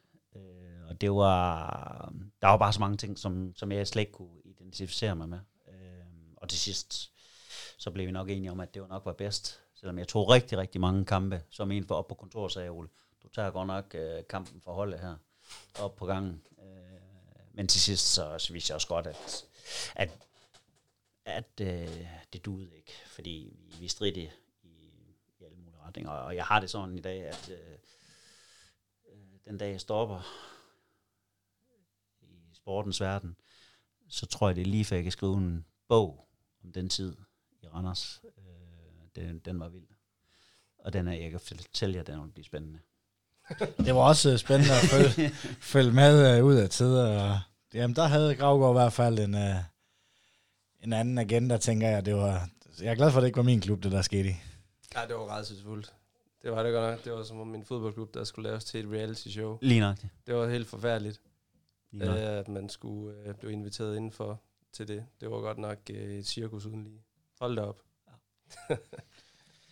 Ole, din, øh, din tilknytning til fodbold i dag, hvordan ser det ud? Du, øh, du var jo senest i Vendsyssel, hvor du faktisk overtog jobbet fra Glenn Redersholm. Hvordan var det egentlig sådan at overtage sådan et, øh, der var så meget polemik, og nu har du selv sagt, at, at, dit, at, at Sønderjysk står dit hjerte nær, og så Sønderjysk og Glenn, de finder et samarbejde, du skal ind og overtage den der post. Jamen altså, nu var det Glenn nåede ikke at være der ret lang tid. Jeg tror faktisk, han der 5-6 uger, eller noget i den stil. Så det var ikke så lang tid, han nåede at være i en sportsdirektørs stilling. Øh, øh, jamen altså, jeg havde jo lidt et håb om, at, at øh, vi kunne få, øh, få skabt nogle af, af dyderne her fra, fra Sønderjyske, få lidt ro øh, på en klub, som også har været meget turbulent. Det skal ikke være nogen hemmelighed. Øh, der har også været stor udskiftning, både på træner og ledelsesgang i, øh, i Vendsyssel. Og øh, det var i hvert fald noget, det jeg har pladeret hårdt for det og snakket meget med bestyrelsen om, men, øh, men, men der er jo også nogle investorer, som, som jo, hvor ting jo gerne skal gå lidt, lidt hurtigt. Og så øh, kom der en ny investorgruppe ind her til sommer, øh, udenlandsk udefra, øh, som vil sætte deres eget hold. Og det var jo derfor, at både øh, cheftræner, assistenttræner og sportsdirektør, øh, at vi blev blev fjernet. Øh, jeg ved godt, det var nogle andre udmeldinger, der kom, men øh, det var fordi, på daværende tidspunkt var, øh, var handlen vist ikke helt endelig på plads, så man kunne ikke helt melde sådan ud, øh, men, men det var det, der var. Øh, det, øh, det er jo svært, når der kommer udenlandske investorer ind, som vil sætte deres eget hold, og det, det, det er jo sådan, det er, og det kan man ikke rigtig hverken gør fra til. Så øh, ja, de to sidste ophold her, altså både Randers og, og Vendsyssel, har slet ikke forløbet som, som håbet. Øh, og helt klart også øh, med øh, nogle, klubber, der ikke har været afstemt i forhold til, hvordan man vil gøre tingene. Øh, det bliver meget sådan fra dag til dag, frem for at der er en lidt længere langsigtede plan. Øh, og man også øh, tager nogle bump på vejen. Øh, det, det, det er der nogen, der ikke helt er, øh, er klar til, at det en gang imellem, så, øh, så møder vi jo altså 11 på den anden banehalvdel, som har en anden dagsorden også, og det er altså ikke altid, vi vinder. Øh, en gang imellem, så, så kommer der et par nederlag, og det, øh, det er jo sådan, det er i sportens verden. Og selvom vi altid er ærgerlige og trætte, når vi taber en fodboldkamp, så kan det altså ikke nytte noget, at, at vi skifter kurs hele tiden. Vi bliver nødt til ligesom at ligesom holde fast i de ting, som vi tror på, og som vi har lagt en plan for. Øh, og så må vi evaluere på det, når vi når et eller andet sted hen. Men øh, det er ligesom om, at øh, der er nogle øh, virksomhedsledere, de, øh, de taber ret hurtigt sådan øh, den der langsigtede plan, øh, lige pludselig, når det bliver sport. Og der er, er sådan lidt mis hasytringer øh, omkring det, der foregår, så, uh, uha, så skal vi lige pludselig navigere lynhurtigt. Øh, jeg har samtidig tænkt, at øh, også de driver deres virksomhed, som, som de samtidig driver en fodboldklub. Øh, men øh, det, der, der er i hvert fald nogen, der, der godt kunne lære en hel del af, hvad der foregår i Sønderjysk. Jamen, øh, uh, uge, det står for snart øh, en time og tre kvarter for den her Ole Nielsen special. Øh, det var umiddelbart, hvad jeg havde på mit manus. Øh, her på falderæbet, er der noget, I mangler at få sagt? Så jeg havde lige en enkelt ting der øhm, med... Øhm, det her med, jeg kunne rigtig godt lide øh, tit, når, de, øhm, når der er alt sådan noget med transfers og rygter og så videre, og du altid i medierne blev øh, spurgt ind til, jamen øh, nu er der snak om, at Quincy Antipas er på vej til Brøndby eller en anden klub og så videre, og så videre. Og hvad så, øh, hvis øh, Quincy Antipas øh, bliver solgt? Hvad, så skal I finde en erstatning. Øh, hvem er så interessante for jer? Så sagde du altid, jamen, at de som klub kigger ikke kun øh, inden for landets grænser, de kigger også worldwide, som du sagde det. Hvad, hvordan det det her med hele... Øh, hvordan fungerer den agentverden med scouts og forbindelser til hinanden, og hvor, hvor, hvor, hvor finder man telefonnummerne henne, og hvordan er hele det der øh, netværk sådan, øh, bygget op, som, øh, som, når, som man skal være, kunne navigere i som, øh, som sportschef? Jamen det er, det er jo klart, at igennem et langt liv i fodboldverden, øh, jamen så, så har man mødt mange på sin vej. Både spillere, øh, klubledere, agenter og med videre. Og øh, det er bare blevet en stor del af det. Øh, jeg kunne, eksempelvis havde jeg jo rigtig gode kontakter til en øh, Henrik Andersen, som I jo alle sammen kan huske var med til at vinde EM, øh, som er jo flæk i knæskallen, øh, som er jo blevet boende i Belgien. Han kendte stort set hele det belgiske marked, det hollandske marked, sådan i Sydtyskland, øh, Frankrig. Øh, så når jeg havde sådan en spiller eller et eller andet, øh, så kunne han altid tage nogle informationer for mig, på den ene eller den anden måde. Øh, agenter, jamen jeg vil jo sige, for 10 år siden, der kendte man jo alle de agenter, der var i Danmark de der øh, 30, 40, 50 stykker, der var. Øh, I dag tror jeg, der er måske er flere hundrede, øh, som kvæg, at nu skal man jo ikke længere øh, deponere et beløb for at, at få en øh, agentlicens. Man kan stort set bare blive registreret i, i DBU, øh, og så kan man starte op. Og der er mange, der synes, at det er spændende at komme og være en del af fodboldverdenen.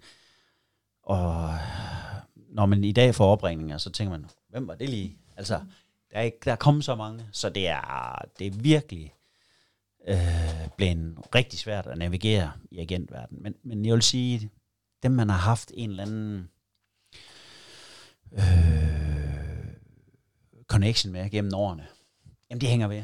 Altså jeg kunne ringe til øh, Henk Feldmartin, som var sportsdirektør i Groningen, øh, hvis jeg havde en hollænder, eller et eller andet. I dag er han chefscout for Ajax. Øh, jeg havde øh, flere i Tyskland, i Hamburg og så videre, som jeg kunne, ringe, ring, hvis der var, jeg skulle have nogle, søge nogle informationer, eller så videre, så videre. Eller jeg kunne ringe til Hamburg, hvad så er der en spiller i overskud? Øh, kunne vi lege Kosokovic, eller kan vi overtage ham, eller hvordan det nu kunne være. Så det har jo været en stor del af det, at vi har øh, også ture og hente spillere ind øh, fra, det kunne være afrikaner, Girard, øh, Quincy Antipas med flere. Øh, at vi også har tur en gang mellem at tage en chance med nogle afrikanere, som jo har bidraget rigtig, rigtig godt. Øh, men velvidende, at det er også vigtigt, at kernen på et fodboldhold, det er, det er danskere, og det er nogen, der har hjerte for, for, for klubben. Fordi vi ved godt, at når det begynder at blæse, når jeg skal ned, så lige at have motiveret dem alle sammen, så ved jeg godt, hvem der er, jeg skulle have fat i. Så skulle jeg have fat i Henrik Hansen, og jeg skulle have fat i Lodberg, jeg skulle have fat i, og sige, nu skal vi lige, og, der, og de var bare topmotiveret for at få hele gruppen med omkring det der. Så når vi i gang imellem skulle ud og finde noget, der havde noget x-faktor, jamen så bliver vi også samtidig nødt til at gå uden for landets grænser, og det, øh, der handler det om at have et stort og godt netværk. Og så er der jo både scouts, klubside, øh, fodboldfolk øh, over det hele, som man er stødt på sådan undervejs. Mm. Så, og man finder også lynhurtigt ud af, hvem er det egentlig, man kan stole på, øh, mm. hvem er det, der kan bidrage, hvem er det, der kan hjælpe en, når virkelig man skal bruge et eller andet. Ja. Som eksempelvis med Ruben Okoche. Ja. Der vidste jeg, at, at ham Østrigeren, han havde rigtig gode spillere i hans portefølje. Øh, og at han kunne, han kunne komme med noget, som, som kunne hjælpe os. Okay. Har du en spiller, øh, som du har sagt nej til, som du fortryder den dag i dag? Ja. Er det noget, du vil snakke Kom mere om? øhm, åh, hvad er det nu, han hedder? Jeg tror, han hedder Roglic i, uh, i Celtic. Jeg kan ikke huske navnet, fornavnet. Åh, det er lige væk for mig, når du lige kommer sådan her. Øhm, ham øh, fik vi tilbudt. Vi havde ham faktisk til prøvetræning. Øh, der var han meget ung, skal siges. Jeg tror faktisk kun, han var 17-18 år. 19 år måske. Øh, australsk ungdomslandsholdsspiller. I dag øh, har han spillet mange A-landskampe og været øh, en øh, haft stor rolle i Celtic. Øh, men det var en på daværende tidspunkt, både fordi vi ikke helt søgte helt på positionen, mm. men, men Tom, var, Tom Rogic. Rogic, ja, lige nøjagtigt. Ja, lige nøjagtigt.